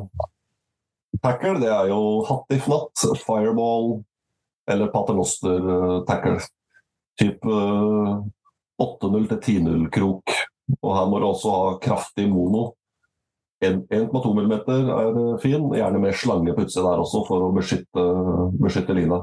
Ja. I hvert fall Hvis du treffer godt, så er det jo ofte mange fisker, og det, det tærer på monoen. Altså. Så go big. millimeter med krimp og på Ja. er ikke Ja. dumt. Altså. Det er ikke dumt. Da holder det i hvert fall ei stund. Ja, og, og du skjønner hvorfor helt til du altså, du, skjønner, du skjønner ikke hvorfor helt til du stikker kjeften uh, eller, inni, inni handa på den. Ja. Uh, ja. Fordi det er altså, Jeg husker første lysingen. Jeg. Da grabbet jeg han etter tennene. Og eh, Ja. ja, blodet spruta Du Lærte noe der òg, da. Ja, de er sylskarpe. Ja, det er, det er tenner på det, altså. Agn, makrell og sild, hel eller sværefileter. Habitat. Slake bakker, myk bånd, 70-150 meter. Og cheat-koden her er også ganske selvskreven. Det er jo lysingviskeren from the Berg, Mm. Mr. Endre. Mr. Endre Hopland. Bare ta en tur med han, så, så blir det lysing. Ja. Makrell. Ja. Ja, ja, der er en historie der. ja, liten sånn der, Vi hadde besøk her nå fra eh, eh, en av våre Arendal. Jeg husker ikke navnet hans. eh, Rune? Ja, det kan være. Rudberg? Nei. Nei. Eh, som hadde. Satt seg ut eh, at han skulle i hvert fall få seg endelig få seg en lysing. Mhm. Det Det var 14 000 Ja. mindre i bensin, men ingen lysing. Ja da. Det, ble, det var god suksess, det. Ja, vi må hoppe videre. På Vestlandet. Ja, men det er også godt gjort, kanskje. da. Men ja. Ja. Makrell. Hvordan fiske makrell? uh, makrell er jo her hele året, for så vidt, men det er mye mer på sommeren og høsten. Og jo lenger ut på høsten, jo større blir det snittstørrelsen, så det er lurt å legge ned mest innsats på slutten. Eller se eh, hvordan eh, vi fisker litt på isen i, på Vestlandet. I, Ja. Vi også får bra med, med makrell på isen her nede også. Ja. Jeg snakka med noen eh, som var og, og fiska. Han hadde fått fem stykk makrell på, på hekla. Og alle var over 55 cm. Yes. Hva faen? Det var to, to kilos makrell. Han var heldigvis ikke med havfiskeren. Nei, Nei. det kan du godt si. Altså, eh, men eh, når det er sagt, Men februar i fjor så hadde jeg 50 cm Ja. Makrell. da slipper du jo unna. Det er jo bare I hovedsak altså, så det mye større snitt på, på vinteren på isen. Litt Ja. uh, ukjent årsak, men uh, det er kanskje noe sammenheng med, med resten av året òg. At det er jo mye småfisk som kommer inn på, på tidlig i sommeren. og så de blir vel eh, minste blir vel spist opp og fiska opp lettest, kanskje. Og så er det de barska hardføre som blir igjen. Mm. Men det kan jo fiskes fra svenskegrensa opp til Trøndelag. Fisk, jo driftfiske da, som er det tradisjonelle. Uh, fiske av nedre, nedre halvdel av eh, vannsøylen. I, det er veldig ofte så står de rundt, eh, over og rundt grunntopper. Bruker fire til seks krok paternoster, hekle, enerkrok eller svart krok. Eller noen eh, sånne ferdig ferdighekler som er til makrell og sild, funker helt, eh, helt fint. Mm. Se etter grunntopp her fra 20 til 40 meter. Rundt der står det fryktelig ofte makrell. Eventuelt også, hvis du skal gå helt målretta etter de, de store, så er det jo å finne, finne baitballs da, på, på ekkolodd. Finne eh, brisling, tobis uh, osv. Mm. Som eh, der går de og jager på sånne bitte små stimer på 5-15 svære makrell. Går og, og jager sånne små stimer. Men eh, de flytter seg veldig mye, så det er veldig vanskelig å prikkfiske. Mm. Og cheat-coden på makrell det er ha flaks. Ja.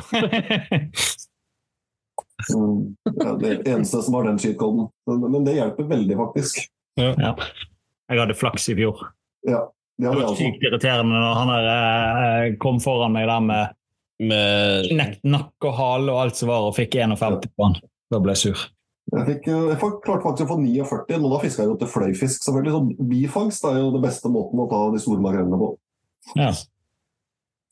tar når det ikke fisker. PGH. Her er det best fra september til januar. Og da kommer de inn i, inn i fjordene og er eh, lette å treffe på de, de store. Mm. Størst snitt har vi jo i Trøndelag og i Møre. Eh, Veldig mye stor piggo blir jo tatt på, på isen. F.eks. det tradisjonelle NM i isfiske oppe i Lygnin og på isene der rundt Trondheim. Mm. Der har de jo tatt masse sånne som snuser rundt 10-kilosgrensa. Å, shit. Mm. Og Bates er jo nesten uh, hva som helst. De tar det meste. De tar jigg, de tar eh, gummislanger. Og, men klart, det mest effektive er jo agn med, med lukt. Typ makrell og sildebiter. Han er en er 80 skjønner jeg. Ja, den spiser Han jakter også, altså. Ok. Så han tar, tar levende, levende ting også. Og, og som de fleste haier, så har de veldig god luktsans. Så han har litt blodig, blodig makrell og sild. Det funker. Det De dukker jo gjerne opp innerst i de trange og lengst bortgjemte fjordene sånn på, på vinterstid når de skal leke. Mm. Mm. Og da tar du de på ja, 30-50 meter, så der står, står ofte mye altså hvis du finner de, gyteplassene. Og det, og som regel snakker du med noen yrkesfiskere, eller noen lokale henter, så er det, de vet hvor pigghånd står, for der gidder de ikke fiske. Mm. Det ødelegger jo alt av liner og garn og er bare plunder. Og der er det litt som på Hysa, spør med den eldre garde. Piggskatte. Ja, det kan fiskes eh, hele året. Det er best fra Bergen til Trondheim. Endelig var Bergen nevnt. Uh, endelig. Det har vært nevnt opptil flere ganger. Ja, det var på, senest Lysingen. To hakk over. Ja, ja, ja, ja. Beklager. Metode på piggskatten er jo ganske enkel. Det er å ligge stille. Uh, Det er glidebom, typ 1-0-krok. Agnsjekk bare en gang i, i halvtimen. Se at det har eh, beit fortsatt. Ja, men eh, er, yes, jeg, jeg må skyte inn der. fyr på. Fordi at vi fisket etter den metoden. Vi var spesifikt på Big skatefiske. Jeg vet ikke om du fikk det med deg, vi la ut noen bilder og litt sånn. Men, Ja, Og det var jækla treigt helt til jeg begynte å dunke i bunnen. ja. Og da var det fisk nesten med en gang hver gang. Og da plukket jeg åtte stykker på en halvtime. Ja. En time. Mm. Eh, Ja, vi hadde mange timer før det skjedde noe. Eller det vil si, jeg fikk den største jeg fikk, den fikk jeg ganske tidlig. Det var nok uh, Det fikk du på første nedslippet Ja, på den- tradisjonelt fiske. Ja. Men alle de andre, det var på dunking. Ja. Faktisk. Så når jeg fisker, så pleier jeg å ta fiske jo rett ned. Jeg kan ligge med båt på anker eller på elmotor eller et eller annet. Mm. Uh, tar fem-seks dunk, og så lar den ligge i ja, fem til ti minutter, og så tar jeg fem til ti dunk igjen. Så det, det er, litt dunking er det, for det er jo, du ønsker jo å få oppmerksomheten til fisken. Og, og du lager jo litt, eh, du virvler opp litt støv og, og frigjør litt lukt. Så er klart, det er ingen tvil om at det er en fordel Mm. å, å bevege det litt. Lage litt, eh, litt liv. Ja. De tar jo så da når agnet ligger i ro. Så den dunkinga er jo på en måte for å tiltrekke oppmerksomhet. da. Sånn. Ja. Ja. Blindbom og trerkrok, ja. Og agn, makrell, sildestremler eller hoder er også veldig fint. faktisk. Lukter mye og sitter godt. Mm. Og fiskes jo på, på mykbønn, gjerne inne i viker, er jo en klassiker på 15-40 meter. Code blank. Snakk med Team Bomtur. Ja. Nei. Nei. Det er mer flaks enn det Pingvar, Ja. ja, det er gøy. den har jeg fått før. Ja, for det, der, eh, der må vi etablere en date utpå høsten der. Ja, så det er to, to tider som uh, gjelder. Det er april og september. Det er det beste. Da veit jeg hvor jeg skal feire bursdagen min i år. Mai er også sånn ish brukbart, men da begynner det å bli veldig lyst etter hvert. Når du tenker på vading, da. Jeg fokuserer på det. Det er jo også gode muligheter for kystmeite, men uh, skal du ha de virkelig store, og, så er det jo vading som gjelder. Mm. Og da er det, det må være varmt nok i vannet. Det må komme over en uh, i hvert fall uh, her nede da, så må det komme over en 6-7 grader i vannet for at de skal gidde å trekke inn. For da kommer maten. Mm. Det er bra fra svenskegrenda til Vestland. Mm. Metode er jo vading, som er det mest effektive. Eh, Gå i mørket med hodelykt. Eh, Det er om å gjøre å ha godt nok lys til å oppdage fisken, for den er jo sinnssykt god til å gjemme seg. Mm. Og så må du samtidig som du har mest mulig lys, må du også ha minst mulig lys, for du vil jo ikke blende fisken, for da ser den jo ikke agnet ditt. Og lyser du liksom for, for lenge på en pingvar, så kan den være vanskelig å ta. Så Spesielt når du begynner å fiske på den, så, ikke lysen rett i trynet. Da er det bare å lempe ut en brisling, ansjos, tobis eller lignende på en tremmelkrok. Danse lett og ledig for en fem centimeter foran over munnpånd. Mm. Og da enten i løpet av 30 sekunder så klapper det til, eller så kan du bare glemme det, basically. Okay. Det er mange som uh, 50-50 tenker jeg om de gidder å ta eller ikke. Og hvis ikke de gidder å ta, så finner fram de. Ja, Og så sier det poff! da, da kan, du, kan du få noen på de rette stedene, for å si det sånn. Ja. Og Jeg har lett etter at det er liksom fridykker. Ja, vi har lett etter liksom fridykker i mange mange år. Ja. Vi har aldri egentlig funnet dem. Vi har kanskje bare ikke sett dem. Nei, det er det jeg lurer på. Om det Jeg har også en liten sånn uh, YouTube Nei, på Facebook har jeg litt noen uh, filmsnutt av pingvar. Så filmer en pingvar i halvt minutt. Og det er helt umulig å se at den er der, før jeg på en måte bare tar tak i med handa og løfter den opp. Altså. Det, er liksom, det som er over sanda, det er én pupill. Resten er under. Så den kan være vrien å se. Ja. Du må kanskje se etter sånn, du ser etter fraværet av bølger i sanda, f.eks. Du ser ikke etter fisk, sånn, du ser bare at hm, her er det noe som er litt småmuffent, muffen, litt annerledes mønster i sanda eller et eller annet sånt. Ja. Så, Og så forstår er jeg eh, eh, når jeg, jeg gikk jo og lette etter dem nede eh, rundt i Stavanger og litt sånn som her. Eh, prøvde meg på noen livesendinger og litt sånn. Og da hadde Daniel med meg på, eh, på liven. Og det var liksom sånn Det eneste han var opptatt av å fortelle meg, gå grunnere, gå grunnere, gå grunnere. Og da gikk jeg med vann til låra omtrent. Eh, Ja. Og han ville ha meg enda grunnere enn det igjen. så tar vi habitatet her da, på, på vadinga, så er det jo 10-40 cm dybde. Ja. 10-40 cm. Det er jo latterlig, egentlig. Ja, det er helt latterlig. Eh, det er, eh, Selv om jeg vet det så godt, så blir jeg alltid like overraska eh, Nei, nå er jeg nesten vant til kne her, jeg er altfor dypt, liksom. Det er bare jøss. Yes. Ja. Men det er, jo, det er jo der man finner de, da. Det er der man finner de, de fleste, i hvert fall. Det er jo, de ligger jo lenger ute, altså, men det er høyest tetthet er, eh, er grunt. Altså. Mm. Eh, Cheat code, ha en vanedate med meg. Ja. Jeg er klar. Midt i september, eh, typisk. Ja. Da er det gode muligheter. Så for, Vi har jobbsamling i april. Ja, Det driter jeg i. Nå skal vi Nå, nå skal jeg faktisk nå, Ja, nå begynner timen med kalenderen her. Altså. Men eh, Jeg april kommer fredag 13. september, for da har jeg bursdag. Så det høres ut som en kjempe, hørtes ut kjempedag å fiske på fredag. Ja, det hørtes ut som en bra dag. For meg er det det. Ja, Men eh, det er jo bare å holde dialogen, det. Absolutt. Eh, Røyknur, ja. Den kan du fiske hele året. Det har jo blitt tatt en del på isen både her og i Oslo nå de siste dagene, egentlig. Men ingen av de har vært med på havfiskeren, så det er jo deres eh, dumt for de. Så vi prøver å få nå ut til flere her.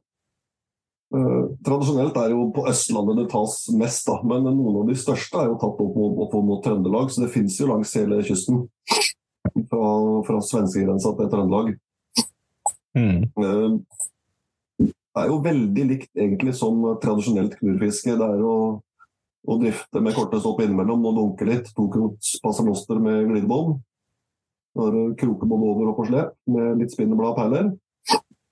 Den tar både reke og, og makrell og sild. Pleier som regel å ha én reke og én uh, makrellstrimmel på, på slepet. Eh, Bunnen er jo sand- og blandingsbånd 15-40 meter. Og cheat-koden for å i hvert fall få arten, det er jo Langesund. Da. Der er det kjente plasser og gode muligheter for å få røkner. Mm. Eh, og det er ikke noe spesielt hemmelig, de plassene heller. De er ikke veldig store i snitt. Men eh, med tanke på super grand slams osv., så, videre, så kan det være lurt å også få en liten en. Mm. For det er nok ikke, jeg tror nok ikke det blir neslønn av, av røkner på listene. Nei. Men eh, er det registrert noen i Bergen? Litt greie er Ja. vel med Østlandet, i og med at den er inne. Ja. Ja. Rødspette, da.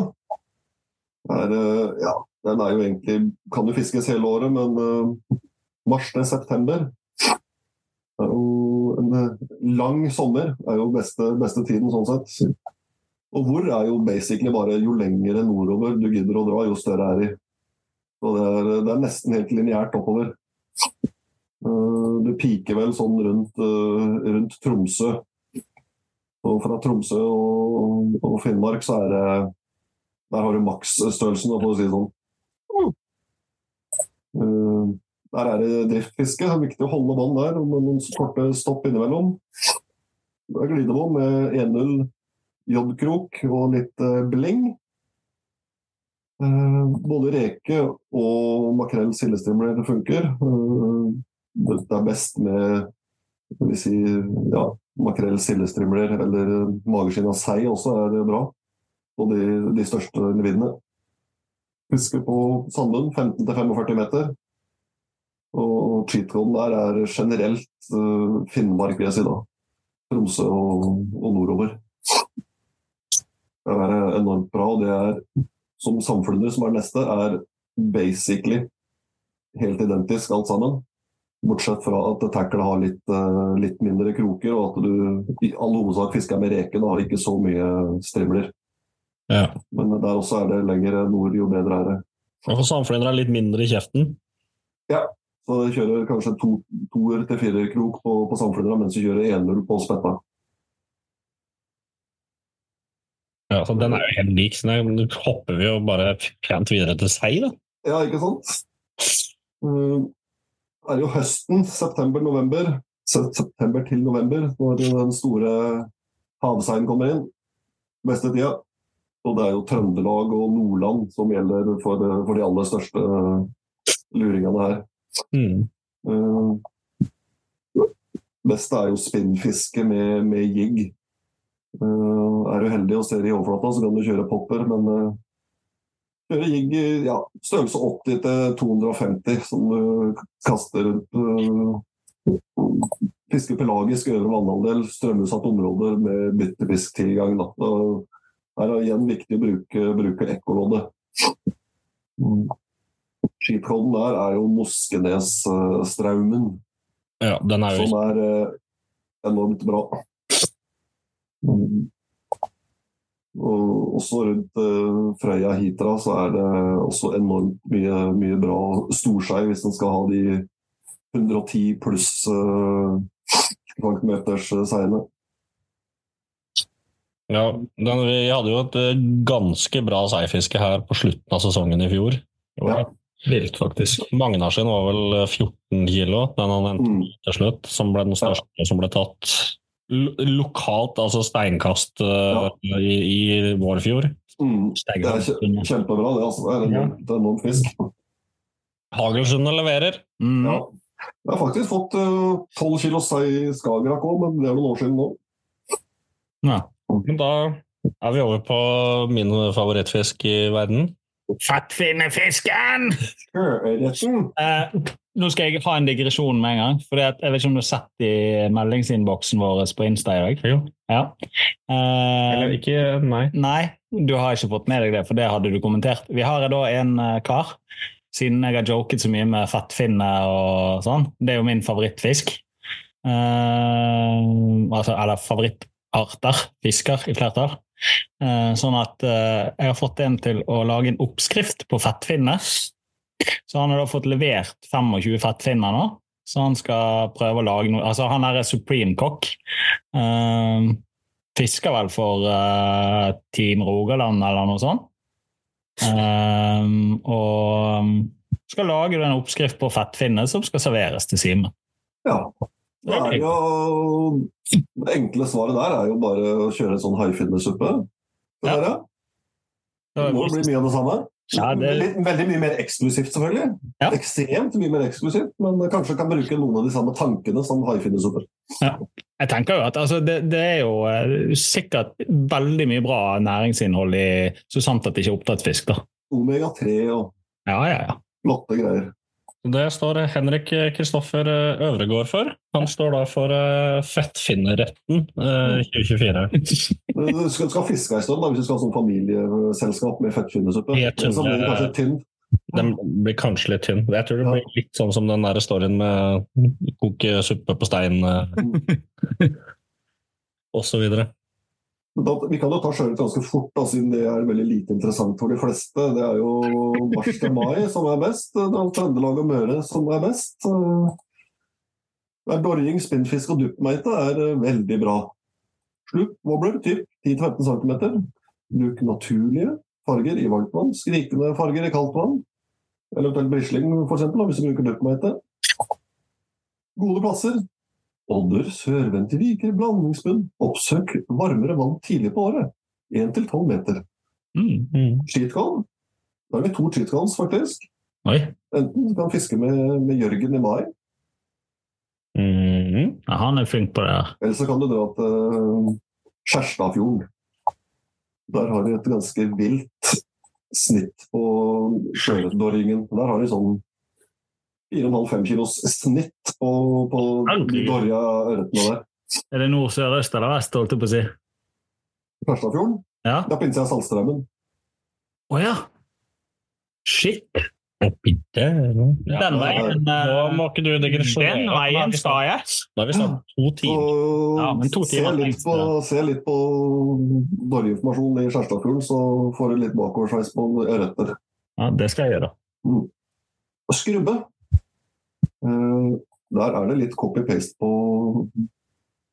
på pigghvalen. Mm. Det, mest effektive er jo hvaling. Mm. Eh, det er også da april og september som er, som er best. Altså. Liker ikke skrubba litt mer brakkvann enn Den gjør, for, den gjør for så vidt det, men det er også det er helt nedsnødd med, med skrubber på, på sånne sandstrender også ut mot havet. Altså. Mm. Så den liker jo for så vidt brakkvann, men eh, den liker også egentlig alt. Den liker egentlig alt, da. den tåler Den er veldig hardfør. Mm. Og sånn på, I brakkvannsområder så er det ikke så mye annen fisk som trives, så da er det lett at man bare får masse skrubber. Mm. Eh, Så det er ikke nødvendigvis bedre, vil jeg si, enn andre steder. sånn sett. Da. Observasjonen kommer jo fra fridykking, da. Ja. Uh, Ja. enkelt og greit. Og- Nei, ja, det er jo bare en eh, enkeltkrok med reke på på, på vadringa når du, når du ser den. Ellers er det jo, hvis du skal kjøre litt fra båt, så er det jo glidebånd med en firerkrok og litt perler og, og kaste litt. Og da er det gjerne på blindfiske da, så er det gjerne brakkvannssteder og bryggeanlegg osv. som er eh, bra. Mm. Null til ti meter. Mm. Spissgate. Den er også en sånn fining som vi kan fiske hele året. Det er jo Vestland, Trøndelag og Møre. Metoden blir jo akkurat lik som de andre skatene, egentlig. Det er at eh, du ligger uh, rigger deg til en plass og ligger der. Og sjekker rangene sånn at du kan dunke litt. Bare løfte og sette, kjenne at det ikke det henger noe der, egentlig. Mm. Og hver, hver eh, ja, typ tre kvarter så sveiver det opp for å bytte agn. I hvert fall hvis det er eh, slimål, som det veldig ofte er i nærheten på spisskantplasser. er jo glidebom igjen, da. Og en uh, typ 14-0-sirkel er fin. Også der er det viktig å gi en litt god tid, sånn som med hvitskatta. At det ikke klin til så fort det begynner å nappe. De, de bruker litt tid på å få det inn. altså. Mm. Og, og agn er også det samme. Du kan nok stort sett fiske med det meste, men uh, er det lite slimål, så er det makrell sild som er uh, det beste. Og er det mye slimål, så går det på litt, uh, litt mer hardføre, som hvitting og blåstål og Mm. sånne typer fisker. Her er jo, habitatet er jo myk. Uh, og det er veldig ofte innerst i fjorder hvor de trives fra ja, i all hovedsak 120 til 250 meter. Ah, ja. Uh, det er der de fleste er. da. Du får det jo grunnere og dypere, men uh, mm, Ja, rundt der der, er det beste. ja, der som vi har vært og fiska litt nå, da kan det være vi har fisket litt dypt. da. Vi har, vært, mm. vi har lagt på 300 og nedover.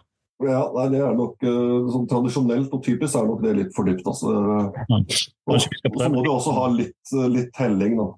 Paddeflat er jo dårlig. og Mm. de, de samler seg ofte Det er kanskje 300-400-500 meter i fjorden, og så kommer du Når det begynner å stige da, i den skråningen måte, som ofte, er- ofte er helt i slutten av innerst i fjorden, i stigningen der, der er er typisk de beste plassene. Det, Ja. I hvert fall de fem-seks beste spissplassene jeg vet om, er, er sånn.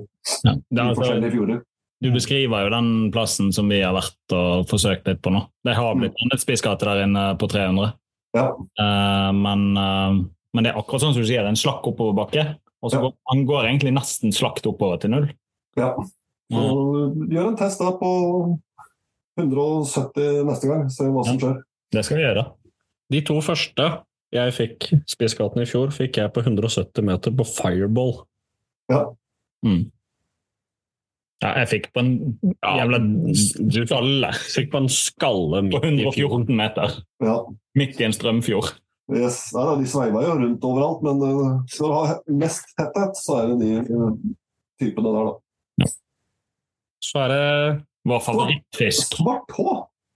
Ja, Mm, Den kan du fiske hele året. Og størrelsemessig er det jo jo lengre sør og øst du kommer, jo større er det. da. Den fins jo i hele landet. Uh, endelig en fisk som er uh, tassen i Møre. Ja. Eller det er det kanskje den eneste, vi får se. Ja. Metoden her, driftfiske. Uh, det er sakte driftfiske. da. 0,3 til 0,4 knop. Fra bunn og 5-6 meter oppover. Der er det også lurt å kjøre paternoster med en 4-5 kroker. Typ 2-0 uh, bruker jeg gjerne da som kroka godt. Uh, har jo fått de på 10-0 også, sånn 300 gram svarte på 10-0, men det er jo ikke det mest effektive. Men uh, de kan tre seg inn på et anker, tror jeg, altså, hvis de får god nok tid. Det er helt utrolig. Ja, Simen fikk på en svær 300 gram Søvik-torsk inn den dagen. Ja. Ja, det er utrolig hva de får til. De har til og med fått flere på én enkeltkrok. ja det altså, uh, din, ja, din bror fikk jo her nå to stykker på en 1-0-krok. Mm. Altså Vega. Blylodd-Vega. Ja. Ja, det er helt fantastisk å tre seg på ting. Så det er en fordel det da, på noen måter, hvis man faktisk vil ha de, så sitter de stort sett. Uh, ja, agn er jo makrell og sild som er det beste. området områder. Største er jo Akkar. Akkar. Er dritt. Dritt. Ja, ja. Du må ikke fiske akkar. Og Svartåen. Akkar. Kjempebra. Men det er jo utrolig lite lukt i akkar. Da kan du nesten fiske med jigg, altså. Ja. Ja, veit ikke. Altså, jeg, altså, våre Ja, det kommer ja, kommer an på hvem deler akkeren du bruker. da. Så du bruker sånn strimmel av hodet, liksom, så er jo den veldig mager, er den ikke det? Jo, men du bruker hele akkar. Som du, Ja, hele, ja. ja. som du kjøper på Kina. Kina-akkar. Kina-akkar. ja. Ja, bruker du hel, så er det annerledes. ja. Hele den trer inn på kroken, så kroken sitter nede ved tentaklene. Ja. Da har du agn. Det varer ofte en stund nå. Ja. Ja, det som Ja, egentlig er problemet. Du, på Svartvann, hvis du sender ned noe makrellstrimmel, så må du, du må ha mye makrellstrimmel, da. ja, eller eh, mye agnstrikk. Ja. Mm. Det er også som er eh, sånn som jeg har på fingeren her, sånn, eh, sånn der bandasjesak. ja. Det er faktisk gull på en del agn. Kan jo holde utrolig mye lenger, for alt av lukt og smak slipper jo ut gjennom den. Mens ingenting blir spist opp. Så, sånn, hvis det er for ille med slimål og sånn, tre på en sånn der fingerpølsebandasje på agnet, og så strikk rundt, så holder det kjempelenge. Men nå er det Nå er vi kommet til um, Men eh, Ja. er vi, vi er ikke ferdig Nei. med Nei, Da altså. var, var vi på habitatet. Det er den Ja. nest siste arten her nå. Habitatet på Svartå. Den er jo veldig mange plasser her, men uh, slake bakker, veldig sånn forsiktig kuperte områder. Eh, så vil jeg si det beste størrelse fisk får du fra 150 til 300 meter. I hvert fall i, i Skagerrak. mm, Eh, Vi har jo en plass hvor vi har sånn 55 til 58 hvert år. Eh, Og en del av de. Så og det er faktisk en, en av de ytterst få gode artene vi har her i Skagerrak også. ja. Mm. Jeg vil jo skryte opp at vi har funnet oss noen steder med ganske bra snitt her i Bergen. Da. Ja, jeg ser det har knekt, knekt noen koder her på stedene. Altså. Så, og hvor dypt kjører dere da? 180 Eller 140 til 180, tror jeg. Ja, ja. Omtrent. ja det, I slake bakker med altså, akkurat, altså, det er Det er samme kuperingen og Ja. og sånn som du sier. Ja, ja. Og den, den, og den dukker jo veldig ofte opp som bifangst på lange fisk og brosne fisk. også, da, Hvis, eh, Ja. hvis ikke du er i de altfor loddrette veggene. En slitsom fisk, egentlig, bortsett Ja. fra de gangene altså, jeg, Ja. I fjor så omtalte jeg svartå som en forbanna drittfisk. Da var Yes. han ikke i listene heller. Den verste agntjuen jeg har vært borti. Det er det. Da... Ja, det, er, det er nest etter slimål, vil jeg si. da. Men ja, den er høyt. Var i listen i fjor. var han det? Ja. Ja, det var han, ja. Beklager. Jeg har ikke kontroll på det. Ja. Det var en drittfisk i fjor òg. Etter å ha fått den du skal ha, du har fått en stor en, så etter det så er det drittfisk. Men det er kjempegøy fram til du har fått en svær en, og etter det så er det drittfisk igjen. Mm. Ja.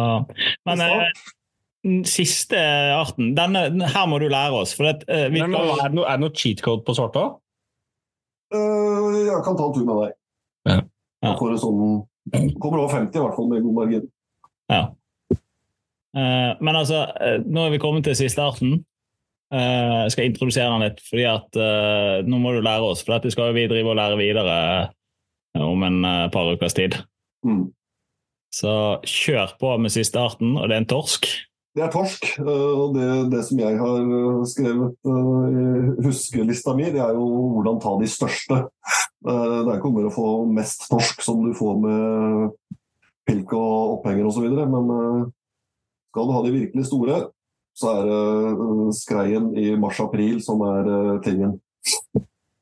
Månedsskiftet rundt der er eh, magisk. Andre halvdel av april så begynner det å bikke litt nedover, som regel. Det varierer litt fra sesong til sesong, men medio mars til medio april, da treffer du hvert år.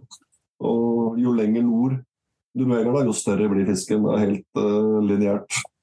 Lofoten er jo kjent for de store mengdene, mens Finnmark er jo kjent for de store beista. Mm. Der tar de jo 40 kilo pluss eh, hvert eneste år. Det er sjukt. 30 kilos tar de hver eneste uke. Så der er det vilt på den beste tida.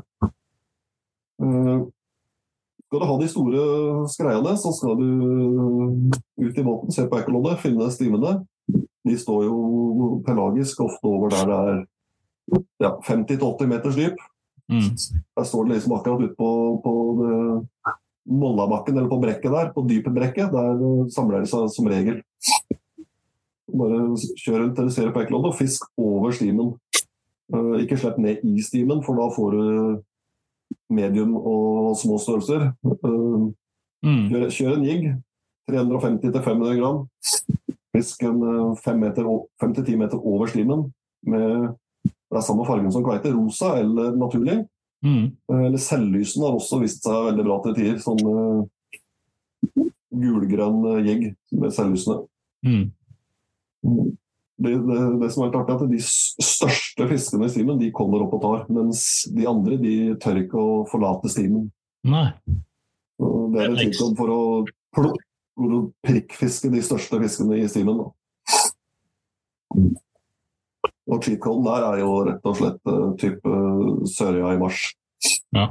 Da, hvis du kommer deg utpå med båt, eh, ikke du blåser inne, så er det nesten eh, garanti på 25 kilo i hvert fall. Ja, for å sitere Bilal på det, så er det her oppe så kan du gå tørrskodd over fjordene eh, i mars. Mm. Nei, da, vi har hatt uh, vært der oppe på Neskerøyfisk, og det er magisk. Altså. Det, er ikke, det er ikke bare å hente alt en vil hele tida. Det er faktisk litt øh, Dagene varierer litt der også. mm. Men eh, hvis du skal gi oss noen sånn skikkelige pro-tipp til eh, Vi skal jo ikke så langt nå, men vi skal jo til Ålesund. Mm. Eh, er det, må du se litt på hva slags snittstørrelse av torsken tradisjonelt tas der. da. mm, Og justere beit etter det. mm, Og så er det da om du skal ha Jeg liker jo egentlig å fiske med, med jigg uansett, da. Men det klart hvis du skal ha mest fisk da, og få størst sjanse for denne premien kanskje på den snittvekta, da, så, så er det jo det beste rett og slett en, en pilk med et par opphengere. Da, da kan du jo øse fisk, men uh, Fisker du er det fiske i egen båt, eller er det sånne fellesbåter? Ja, det er fellesbåter, men vi har uh, en som har tilbudt seg å låne oss en uh, skjærgård nå. For Det er også et problem med liksom sånne fellesbåter, at folk bruker litt sånn bananpilker. Det er ganske dumt eh, når det er mange snører i vannet. Mm. Og disse skyter jo ut til, siden, til sidene. Ja. Og da får du mye feilkroking av fisk også. Det er jo en del av oss som syns at det er en uting. Mm. Og da er det jo han Uh, Sett de pilkene med dobbel trebbelkrok altså i begge. Ja. ja, og så, så skyter ut til sidene hver gang de pilker og sånn. Den huker jo tak i alt som er der nede når du legger den midt i stimen. Så Mm. Men ja, det tradisjonelle funker jo bra på matauk. Skal du ha sånne rundt 10 kilo, så er det særepilk og ja, jeg Kanskje ikke kjørt mer enn én opphenger da, hvis det er potensielt opp mot 15-20 kilo, for det kan være plundrete når, hvis du får på tre sånne på en smell. Ja. Det kan bli litt eh, mal. Ja. Nå får ikke vi så god tid til å fiske når vi er der, for vi skal drive oss og lage pod live ute i båt og holde på med ting. Vi skal drive med ting. Ja. Så, men vi skal fiske litt, da. Vi må jo vise litt muskel når vi er der. Ja, jeg må få på en, en, en brukbar En Brukbar en, i hvert fall. En kjempetynn en på 18 kilo. Ja. Det er korrekt, Ja. faktisk. Så, Sånn sånn tynn og lang. Er det en havål? Nei, det er en torsk, faktisk! Woo! Men eh, altså, eh, vi må snakke litt om eh, den informasjonen som du har kommet med nå. For det, du og Simen nerder jo noe voldsomt. Jeg vet at vi har en lang innspilling på gang her nå. Men eh, du har jo hentet mye informasjon fra et sted, eller flere steder. eller det der å nerde statistikk, Denne oppskriften her, følger den slavisk, så gjør du det bra i Havfiskeren. Ja, er det, det meste her har jeg bare skrevet egentlig på frihånd. Det er en øh, fire-fem arter da, hvor jeg har på en måte måttet ha litt sånn sidemannskontroll på fiskeskolen og Asker osv. Men det meste har jeg bare Mm. skrevet ned, egentlig. Altså. Mm. Jeg si, også sånn som på artsfiske. da. Der har de jo statistikk på når det er blitt tatt flest osv. Mm. Men den er jo også veldig skeiv for folk. Det er ikke så fryktelig mange som fisker i januar eller desember. Nei, det, Selv om det er den beste tiden, så får du nødvendigvis færrest fangster. da. Mm. det er jo en ting eh, jeg har drevet opp uh, finne, uh, som jeg driver og jobber med, er jo da og hvordan man skal statistisk forskyve fordelingen her. Fordi Mm. antallet arter som er tatt flest i juli, den er vesentlig. Ja, Eh, ja, for da er jo alle ute i båten, ikke sant. Og da er det digg, digg å fiske og lange dager og ja. Mm. Men det, Så blir det jo skjevt. Men uh, mm. Så det Men er mer viktig kanskje å se etter gytetider og sånne ting da, som er både mer relevant. Da er, det, da er det store ansamlinger av store individer som er viktigere enn når uh, uh, Ola Nordmann fikk sin torsk på tre kilo, om det var mai eller august. Det er liksom litt irrelevant. Ja. så vi burde egentlig funnet fram de største individene. Ja, Men det, ja. jo, ja, det er gøy å sitte og følge med når du prater. For det Simen har jo laget et skjema nå. Han er jo litt sånn Excel-nerd. Det er lov å si at dere er litt Excel-nerder begge to. Ja, vi er glad i Excel. Ja. Eh, og det er mye av den informasjonen som står i Simen sitt ark, som stemmer ganske godt overens med det som du kommer med. Så det, Mm. dere har jo gjort et eller annet arbeid som er forenlig med hverandre. Det var jo Ja. egentlig litt det jeg var ute etter i dag å se. Mm. Du, du skulle bare kvalitetssjekke det, Ja, kvalitetssjekke deg. Ja. Det er helt korrekt. og at ikke jeg bare sitter og finner på ting. Ja. Mm. Så, men eh, ja, dette var jo en spesialepisode. Det her blir eh, spesialepisode. Ja. Tusen Eh, hjertelig mange takk for uh, innspilling nummer to, og at du gidder å bruke tid på to idioter på tur. Å bruke tid som er på fiskerelaterte ting, det sier man aldri nei til. Ikke jeg, i hvert fall. Så det er bare kjempetrivelig. Nei, men da sier vi. Ja, satser på at du har fått lurt noen, ja. ja. Satser vi òg på, faktisk. Så får dere fasiten etterpå på e-post. Ja, vi, Det er derfor jeg tenker nå at eh, skal vi ha litt tid igjen i kveld, så sier vi tusen hjertelig takk Ja. til uh, dere som har hørt på. Uh, vi ses på Bytorsken i Ålesund. Det gjør vi faktisk. Og jeg og Lars ses eh, fredag 13. september eh, på døra hos Lars. Ja, jeg kommer i april, faktisk. Eh, så da får En dag med karaokeapparatet. hvis, hvis han ikke er hjemme da, så får han et, eh, et forklaring... Eller jeg får et forklaringsproblem hvis han ikke blir funnet etter den helga, tror jeg. Ja, det er nett sånn det. Du må huske å bestille litt vindstille vær også. Vi må ta med Ja. det i beregningen. Ja. Hyggelig å være her. da stopper vi den. Det er nice. Det er nice.